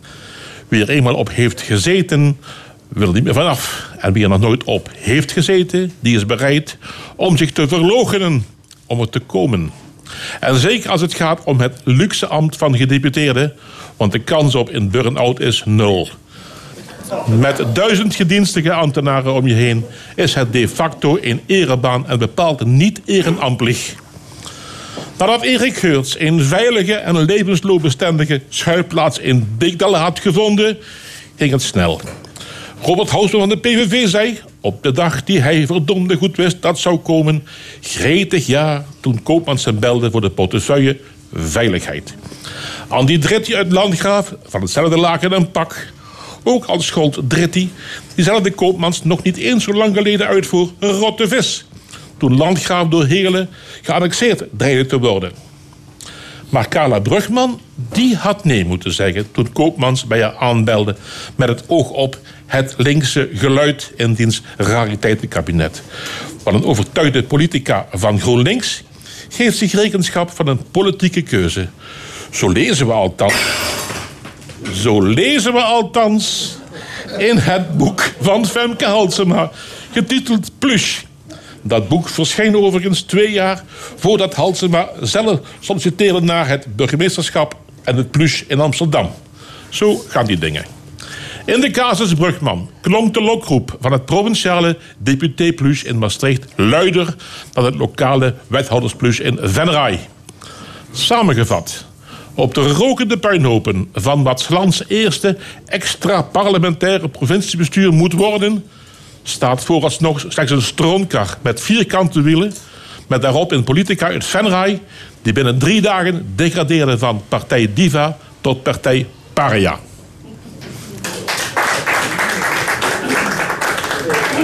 Dat was de column van Jos van Wers. We gaan verder in de stemming met het discussiepanel. Rond de tafel de voormalige Kamerleden Monique Quint van de Partij van de Arbeid... Jan de Wet van de SP en Karen Leunissen van het CDA. Ja, Limburg krijgt een extra parlementair provinciebestuur. De column ging erover. We hadden het eerste uur hier ook al aan tafel over. Uh, het wil zeggen, het betekent dat er gedeputeerden komen, zeven stuks, die op eigen titel in het bestuur gaan plaatsnemen. En ze zitten er dus niet voor hun eigen partij. Ja, is het uh, verstandig, uh, Jan de Wit? Nou, ik denk dat het een groot, groot risico is dat, om, om, om te beginnen. Uh, wisselende politieke meerderheden moet je zoeken. Het is de vraag of dat, uh, of dat gaat lukken. Maar wat ik uh, nog erger vind, is dat het toch een uh, heel rechts club zal zijn. met name door de rol van de PVV en het Forum voor Democratie in die, in die coalitie, laat ik het toch zomaar noemen. Uh, ja, wat dus maar de vraag oproept, wat krijgen wij in hemelsnaam voor beleid uh, in de provincie? Uh, dus dat uh, is in ieder geval een, een, een vraag die, die, die gewettigd is, waarvan je dus kunt zeggen, nou goed, gelet op de, zeg maar de, de programma's waar PVV en Forum voor Democratie landelijk voor staan, heb ik zo mijn twijfels uh, over de richting waarin we gaan. En maak ik mij daar wel zorgen over. Ja. Monique, hoe kijk jij er tegenaan? Nou, ik denk dat we meer dan ooit het risico gaan lopen dat we in de komende periode een bestuur krijgen. waar de zaken worden afgekaart achter gesloten deuren. Want laten we elkaar niks wijsmaken. Als de fracties van de heren en dames. die samen de Magnificent Seven vormen, zoals Frans placht te zeggen. Um, dan is uh, de fractiesteun van die genoeg om alles door te jagen. Uh, de rest van de provinciale staten heeft geen schijn van kans om een poot tussen de deur te krijgen bij dat soort besluiten. En dat is denk ik het angstvallige waar je dan rekening mee moet houden. Dat bepaalde onderwerpen die um, niet erg belangrijk zijn, maar wel belangrijk zijn voor deze partijen die samen dit college vormen, dat die de aandacht krijgen, omdat ze die makkelijk zonder dat ze meerderheden hoeven te zoeken uh, erdoor kunnen jagen. En dat hele belangrijke besluiten op het gebied van milieu. Ik bedoel, we hebben het de vorige keer aan deze tafel met uh, elkaar erover gehad. Dat die stikstofuitstoot als gevolg van uitbreiden van intensieve veehouderij. dat dat buitengewoon onwenselijk uh, zou zijn voor de samenleving in Limburg. Tot mijn grote genoegen, of de Raad van State tegenwoordig goed kan timen, dat weet ik niet. Maar de timing van Raad van State was buitengewoon prettig. Die hebben een stokje gestoken voor dit soort zaken. Dus daar moeten ze sowieso al afblijven. Ja, maar, maar ik hoor jou zeggen, eh, er gaat veel in achterkamertjes geregeld worden. Omdat dat kan. Omdat het kan. Terwijl eigenlijk juist gezegd wordt dat dit een manier is om iedereen, statenbreed, bij het beleid te betrekken. Maar Hoeveel mensen in Limburg weten waar de provincie over gaat? Dat is al zo vaak onderzocht. De meeste mensen hebben geen idee wat precies de onderwerpen zijn waar politiek verantwoordelijkheid voor gedragen wordt door een provinciale overheid. En uitgerekend de onderwerpen die heel belangrijk zijn, vliegveld. Er wordt met geen woord, zolang als deze formatie heeft geduurd, is er met geen woord gewisseld over uitbreiding van het vliegveld. Wat lees ik in de Volkskrant?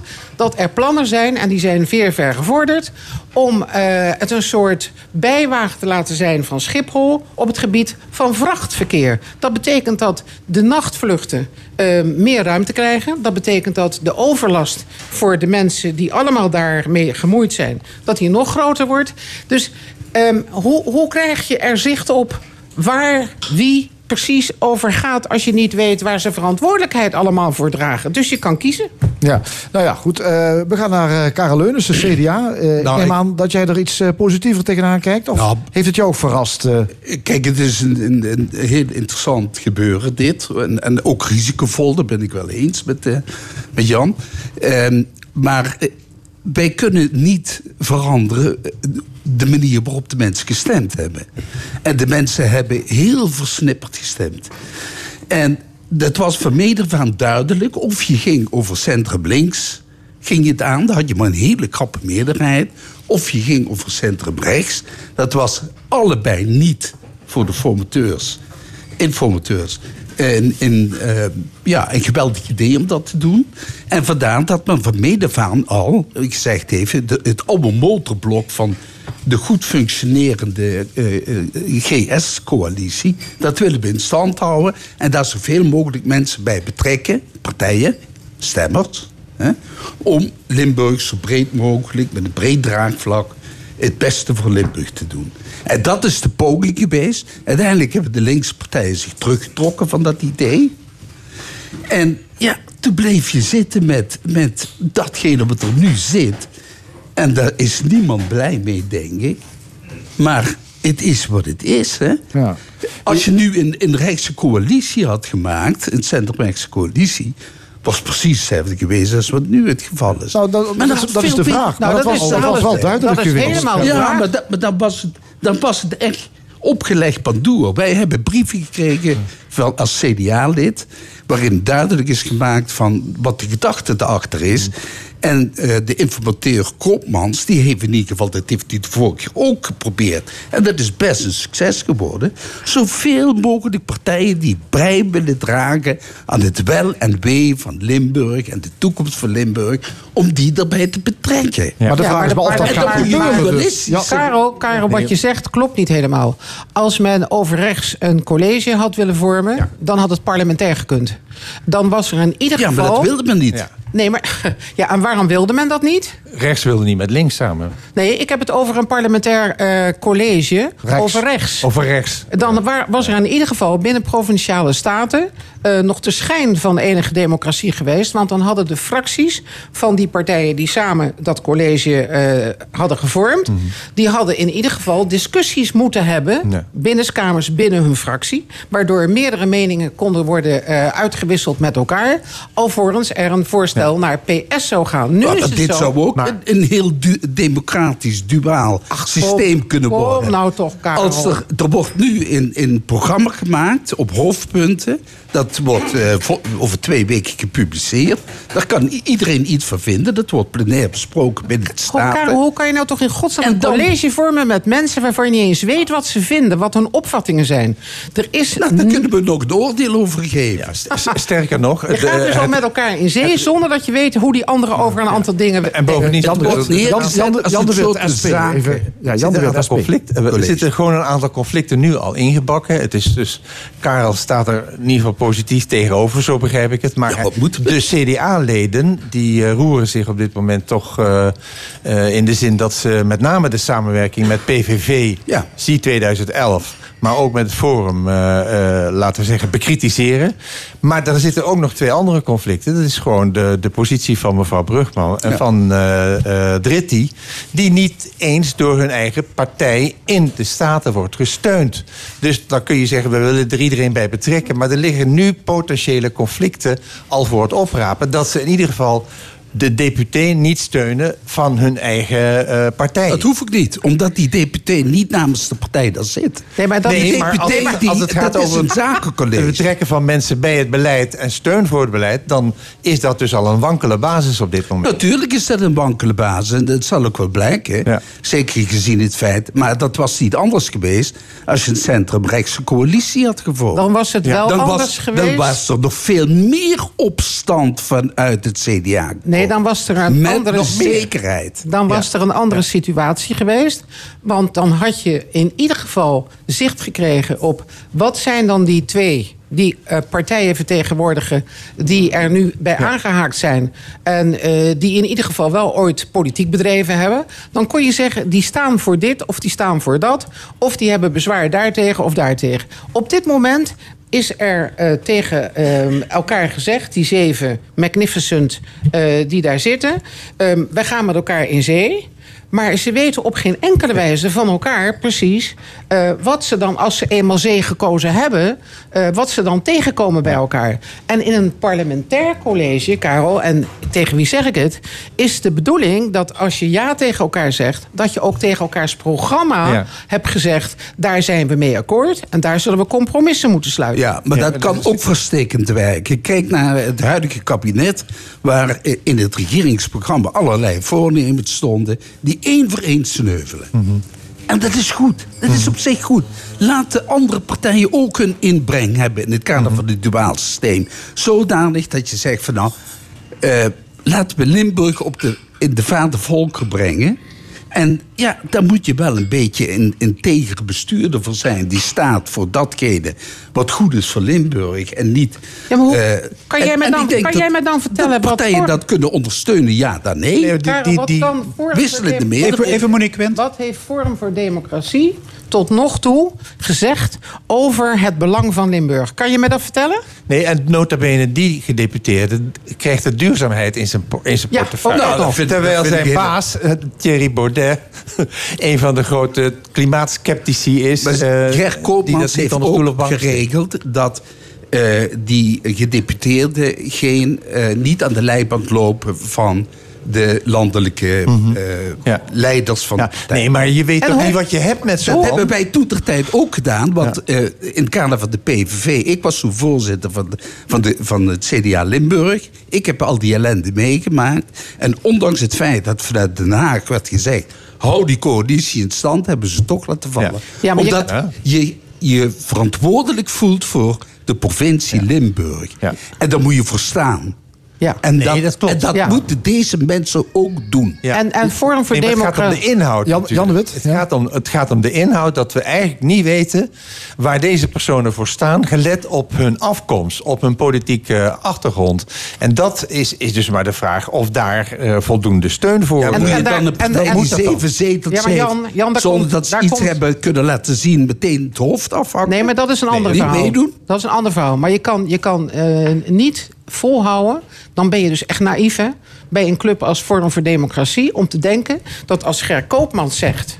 We hebben afgesproken dat je je niet laat koeieneren door meneer Baudet. Dat je dan de controle kan uitoefenen over of dat wel of niet gebeurt. Kom nou toch, van welke planeet komen we hier? Meneer Baudet gaat dadelijk meemaken dat de enige provincie waar zijn partij een bestuurder levert, dat hij aan Nederland moet laten zien waartoe die in staat is. Je denkt toch niet dat Baudet met zijn ogen dicht en zijn oren dicht naar dat fenomeen gaat zitten kijken? Kom nou toch. Denk ik toch. Ja. Deed het wel. Ja, nou Goed, dat, dan gaan we eh, naar een uh, ander Dankjewel, onderwerp. tot voor zover. Ja. Ehm, het Limburgse Tweede Kamerlid Selçuk Osturk van Denk was deze week in opspraak. Het begon ermee dat hij tijdens een Kamerdebat het SP-Kamerlid Karabulut beschuldigde van het steunen van terroristische organisaties. Meer speciaal van de Koerdische PKK. Wat vonden jullie van die, van die aantijging? Ja, ik, Jan ja, de Wet, maar het, het gaat over mijn partijgenoot. Misschien moet ik daar niet eh, meteen... Maar kijk, het, eh, je mag natuurlijk ook in de Kamer binnen redelijke grenzen... mag je, mag je zeggen wat je meent en wat je denkt. Iets anders is dat die, eh, dat die eh, dus door de voorzitter gevraagd is... eh, waar haalt u dat vandaan? Want dat is nogal een beschuldiging die hij hier neerlegt. En daar begint hij overheen te tetteren met, met, en, en dwars door de voorzitter Maar als je zoiets roept, moet je met bewijsmateriaal komen. Nou, dan denk ik wel dat als, als jou gevraagd wordt van... ja, nee, je kunt niet zeggen van... ja, en toch vind ik dat jij een sympathisant of, bent van, van, de, van de PKK... of die ondersteunt. En dat vind ik dan. Eh, dus je zult wel moeten, moeten aantonen waar, eh, waar je voor staat... en waar je dat op baseert. Ja, waarom doet en hij dat? anders moet je het intrekken. Heel simpel. Waarom doet hij dat? Nou eh, ja, het past natuurlijk in het patroon van de partij Denk om eh, mensen die een achtergrond hebben, een achtergrond die lijkt op de, eh, laat zeggen, de doelstellingen waarom Denk is opgericht. En dat is om meer mogelijkheden te geven, politiek geluid vanuit eh, mensen die uit een andere cultuur afkomstig zijn en politiek willen bedrijven om dat te steunen. Ehm, maar Denk heeft zich al een paar keer geprofileerd als een partij die mensen die oorspronkelijk een allochtone achtergrond hebben, zeker vanuit Marokko of Turkije, om die persoonlijk aan te vallen op een standpunt dat volgens hen niet in strijd of niet in overeenstemming is met wat zij vinden dat men moet zijn. Als je En een Turk bent van geboorte, dan dien je buitengewoon solidair te zijn met het eh, Turkse bewind. En dat is waarom dit zo escaleert. Omdat natuurlijk eh, de voorzitter van de Tweede Kamer al menig keer heeft moeten meemaken dat er filmpjes gemaakt werden waarin collega-Kamerleden werden beticht van van alles en nog wat. En, en dus is dit niet zomaar een incident, is, is het zoveelste incident. En als dan een Kamerlid zich inderdaad niet eens aan de spelregels houdt, dan vind ik dat de Kamervoorzitter terecht een microfoon dichtdraait. Ja, Denk maakt er een sport van om Kamerleden met een Turkse achtergrond persoonlijk aan te vallen met filmpjes. Dat doet hij altijd. Ja. En dat komt omdat die denkpartij, eh, kijk naar ieder debat, inhoudelijk gezien, is dat gewoon de verlengde arm van Ankara. Ja. En dat, en dat, dat zuigende, dat irritante wijze van discussiëren, mensen wegzetten. Ja, dat, dat, dat, dat hoopt op. En op een gegeven moment, eh, ik kan er al niet meer naar kijken, moet ik Ja, zeggen. Osturk kreeg dan de stok met Kamervoorzitter Ariep. Ehm, ik weet niet of jullie de beelden hebben gezien. maar dat was geen Ja, ja. fraai schouwspel, hè? Nee, dat was Ja, ik, ik vind wel, eh, er wordt vaak eh, over de Kamervoorzitter in zijn algemeenheid eh, gezegd... ofwel dat hij of zij te laat of niet eh, optreedt. Maar ik vind dat eh, Ariep eh, zich de laatste jaren... eh, heel sterk heeft ontwikkeld als een voorzitter... die heel goed kijkt naar, eh, naar het fatsoen. Eh, eh, Hoe gedragen wij ons in de Kamer als voorbeeld voor, voor Nederland? En dat heeft ze heel sterk benadrukt, ook hier. Het, het, ze zegt zelfs, het gaat niet om mij persoonlijk... het gaat hier gewoon om hoe wij hier met elkaar omgaan. En in dat opzicht past het eigenlijk precies wat Karel zegt ook... en ook wat Monique zegt over het beeld van Denk... Hè, die dus gewoon die provocatie willen gebruiken ten behoeve van zichzelf. Maar het past helemaal in hun, hun lijn. Hè. Ze hebben ook met Wilders... eh, eh, hadden ze een proefopname gemaakt, zogenaamd eh, een filmpje... waarin Wilders bedenkelijke uitplatingen zou hebben gedaan. Hij, die, eh, hoe heet het, Kuzu, die heeft daar in Jeruzalem met de Palestijnse vlag gelopen. Alleen maar met het doel om reuring te maken... en te zorgen dat hier in Nederland... men denkt, nou, dat zijn de goede, goede jongens. Maar, Nee, maar kijk, volgens nee, maar wat- Osturk probeert Ariep hem monddood te maken. Nee, dat is. Ja, goed. Ik bedoel, dat is de, de uitspraak die laat ik voor eh, het Kamerlid in kwestie. Ehm, er zijn spelregels in de Tweede Kamer die eh, heel wat ruimte laten, zoals Jan net zei, om eh, met elkaar fel in debat te gaan. Daar mag je, als het politiek relevant is, mag je heel veel zeggen. Eh, je kan niet strafrechtelijk vervolgd worden voor wat je daar eh, dan doet. En dat is het irritante hier, dat, dat men precies weet hoe ver je kan gaan En dat het eh, de taak van de voorzitter is. En die zou je moeten respecteren. Anders moet je niet in die kamer gaan zitten. Dat is hetzelfde als in elke vergadering waar rollen verdeeld zijn. Als degene die de ondankbare taak heeft om de orde te bewaren. niet serieus genomen wordt. dan is de vergadering dood. Ja. Dus de, de, de voorzitter heeft de plicht om op een bepaald moment, wanneer men buiten de paden gaat, en dat gebeurde hier nadrukkelijk. Iemand ergens van betichten, dat eh, wordt geassocieerd met geweld en wat dus heel gevoelig ligt in de samenleving. En dan niet ingaan op de vraag: heeft u daar bewijzen voor? Dan maak je dus van het parlement op dat moment een ordinair café waarin je alles tegen elkaar kan zeggen, zonder dat je er ooit voor ter verantwoording geroepen wordt. Dat kan helemaal niet. Maar hij maakt zichzelf ook tot een soort martelaar. Eh Het is een beetje overdreven, omdat wordt. Maar mij willen ze, mij willen ze Slachtofferrol. het. Mij diverse pakken ze. malen voorgedaan. hè. Ook in, in debat met, met, ik geloof een PVV'er eh, ooit. Ja, ook dat. Ja, en dat was ook, dat Ja. ging ook helemaal mis. En ja. ja, ik weet het niet meer exact te reproduceren. Maar dat was ook Ja, niet dat had te maken met vraag. persoonlijke bedreiging. Ja, dat en- ging heel erg ver. Ja, dat ging echt heel Ja, ver. ja. hoor. Ja. Dat, was, dat was echt heel persoonlijk. Goed, we gaan naar een eh, ander onderwerp. Eh, er is eindelijk een pensioenakkoord. Minister, eh, werkgevers en vakbonden zijn het eens geworden over een nieuw stelsel voor onze oude dagsvoorziening. Eh, het is wel nog afwachten wat de vakbondsleden gaan doen, hè, want die moeten gaan stemmen deze week. Ja, onze stelling. Beter dit akkoord dan geen akkoord. Eh, ik, ik denk dat je kan zeggen, als je na, na negen jaar, bijna tien jaar eh, polderen. Want dat, eh, dat is wat er gebeurd is. Uiteindelijk een compromis bereikt op ik weet niet hoeveel onderdelen van dat akkoord. Want als je het leest, dan staat het stijf van de compromissen. Bovendien valt me op dat er een heleboel zaken technisch nog uitgewerkt moeten worden. eh, zodat je zicht krijgt op wat het nou precies Ja. uiteindelijk gaat opleveren. Dat ik denk dat je grosso modo de Nederlandse samenleving in verschillende geledingen die er allemaal mee te maken hebben. Eh, een dienstbewijs wanneer je zegt: zullen we dit akkoord nu maar verder uitwerken en zorgen dat we zo snel mogelijk een eind maken aan het niet indexeren van pensioenen voor mensen die al al die tijd geen indexering krijgen, maar ook dat het verder verhogen van de pensioengerechtigde leeftijd, dat dat in ieder geval teruggebracht wordt tot een wat milder verhogen van die leeftijd. En dat voor de zware beroepen, eh, wat iedere keer opnieuw een belangrijk punt is om eh, uit te werken, dat er gezocht wordt naar een oplossing die ook juridisch houdbaar is. Hè? Want dat is elke keer als ik naar luister en als ik het lees, dan denk ik: ja, wat is een zwaar beroep? Fysiek, ja, maar psychisch kan ook iets bui- buitengewoon zwaar zijn. Ehm, dus ik zou zeggen, stelling, ja, ga hierop door. En hopelijk eh, komen de FNV-mensen met hun stem tot diezelfde conclusie. Dit beter dan nog een keer ellende. Ja, oké. Jan de Wit, SP. Ehm, ik eh, zeg eh, nee tegen eh, dit eh, principeakkoord. Ehm, eigenlijk al twee, twee, twee belangrijke punten, denk ik. Eén is dat de bonden zijn de, zeg maar, de onderhandelingen al heel lang ingegaan met de belofte 66. Het wordt 66 jaar. En wat we nu zien is dat je in 2024 al met 67, eh, zeg maar, of pas met 67 met. Dat is dus één. Dus de, eh, het, het strijdpunt van het moet 66 worden en blijven losgelaten. Hè, dus zei dat Monique gelijk heeft dat er een wat geleidelijke stijging in zit. Maar het was 66 de bedoeling. Dat is dus één. En twee is, wat veel principiëler is wat mij betreft... dat is dat Kijk, ons pensioenstelsel, dat, dat, dat noemen ze een omslagstelsel.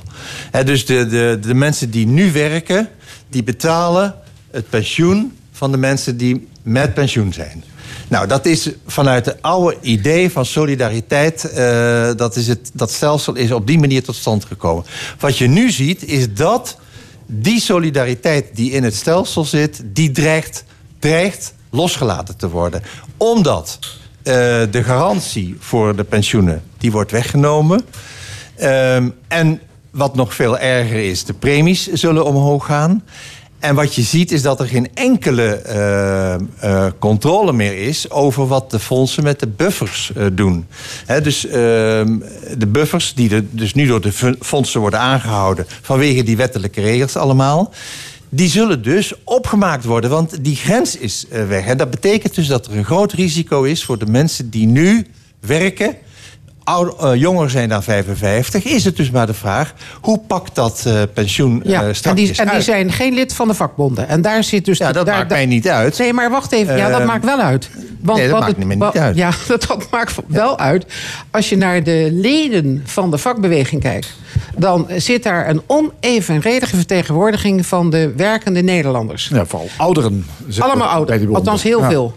En wat, wat dus op dit moment eh, een verklaring is, volgens mij, voor dit compromis, voor dit onderdeel, is als je kijkt naar hoeveel stemmen er zitten bij de veertigers die in de achterbanden van eh, de vakbeweging zitten, dat is bijna nihil.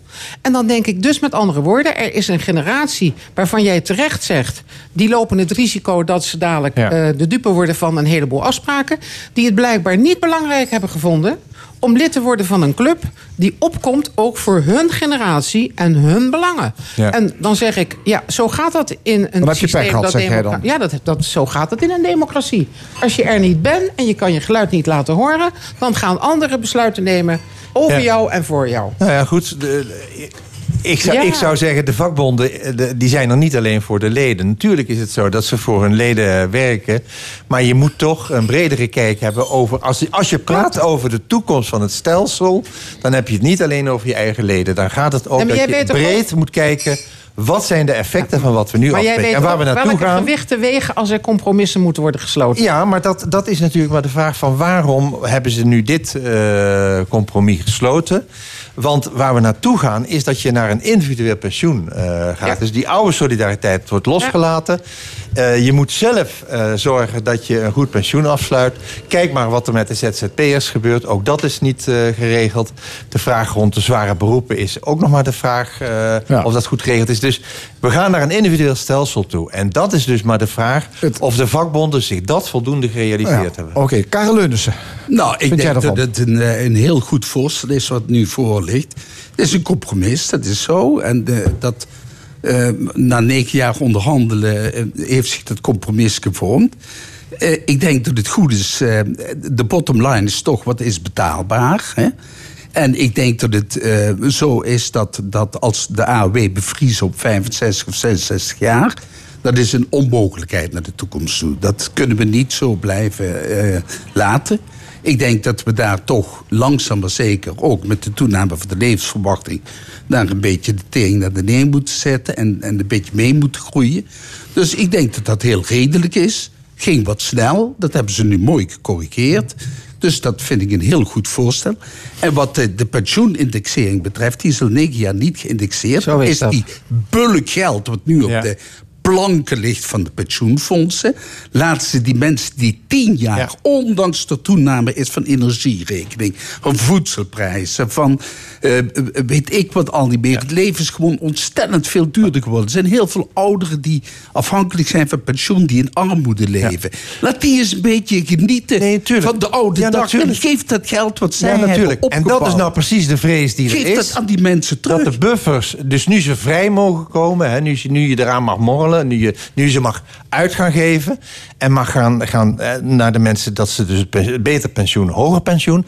Het risico is, de vrees die er bestaat, is dat er dus nu uit die buffers wordt geput. Dat de buffers dus opraken. En dat we dus strakjes niks meer over hebben. Ja, en dat maar we dus we die hele, de hele indexering, de hele Jan? indexering wegvalt. Ja, Jan, maar dat niet komt meer uit. omdat Jan, al die jaren hebben die individualisten in onze Nederlandse samenleving...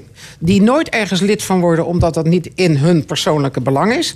hebben nergens aan meebetaald. Die hebben geen premie betaald. Die hebben gedacht, ik regel mijn eigen pensioen wel. En liepen het met open ogen het risico. Ja. Heel veel ZZP'ers die moeten geholpen worden... om door verplichtingen op te leggen... voor bijvoorbeeld een, een, een verzekering van hun eigen invaliditeit. Ehm, anders doen ze het niet. We, we hebben dus te maken met mensen die vanuit een hele andere scope kijken naar zichzelf, naar de laag waartoe ze behoren en de samenleving waar ze deel van uitmaken. Ja, maar ook nu wordt dat probleem niet geregeld. Jawel, nee, maar Neem dat probleem wordt wel gesignaleerd. Het wordt niet verplicht gesteld voor Nee, ZZP'ers. nee, klopt. Nee, Dat Het weet wordt ik. wel maar het wordt wel gesignaleerd, het wordt gefaciliteerd. Er Maar wie wordt, kan het betalen, dat is dan ook vraag. Maar je schrijft... Nee, maar dat, dat, is een, dat is een eigen verantwoordelijkheid, net zoals voor de jeugdigen. Het probleem zit tussen de 45 en, en, en, en eh, 50, Ja, 55, zoiets. 60. Die categorie is Die categorie categorie die komt een beetje in de problemen, omdat die geen geld meer krijgt vanuit de jongere generatie. Hè? Want lang belegd geld, het levert geld op. Hè? Nou, dat is het probleem. En daarvoor hebben ze een constructie gemaakt om daarvoor geld te in te zamelen en, en, en vanuit de regering in te zetten voor die mensen. De eindtune loopt. We zijn aan de tijd. Hartelijk dank. Discussiepanel vandaag met Monique Wind, Jan de Wit en Karen Leunissen. Tot de volgende keer. En dit was de stemming vandaag gemaakt door Erwin Jacob, Frank Heijnen, Fons Geraas, Kirsten Rietbergen, Frank Ruber. Graag tot volgende week. Dan wederom hier vanuit Café Forum in Maastricht. Dit programma wordt herhaald maandagavond om 8 uur. Het is ook terug te luisteren op onze site l1.nl en via podcast. Ik wens je nog een mooie zondag. Oh.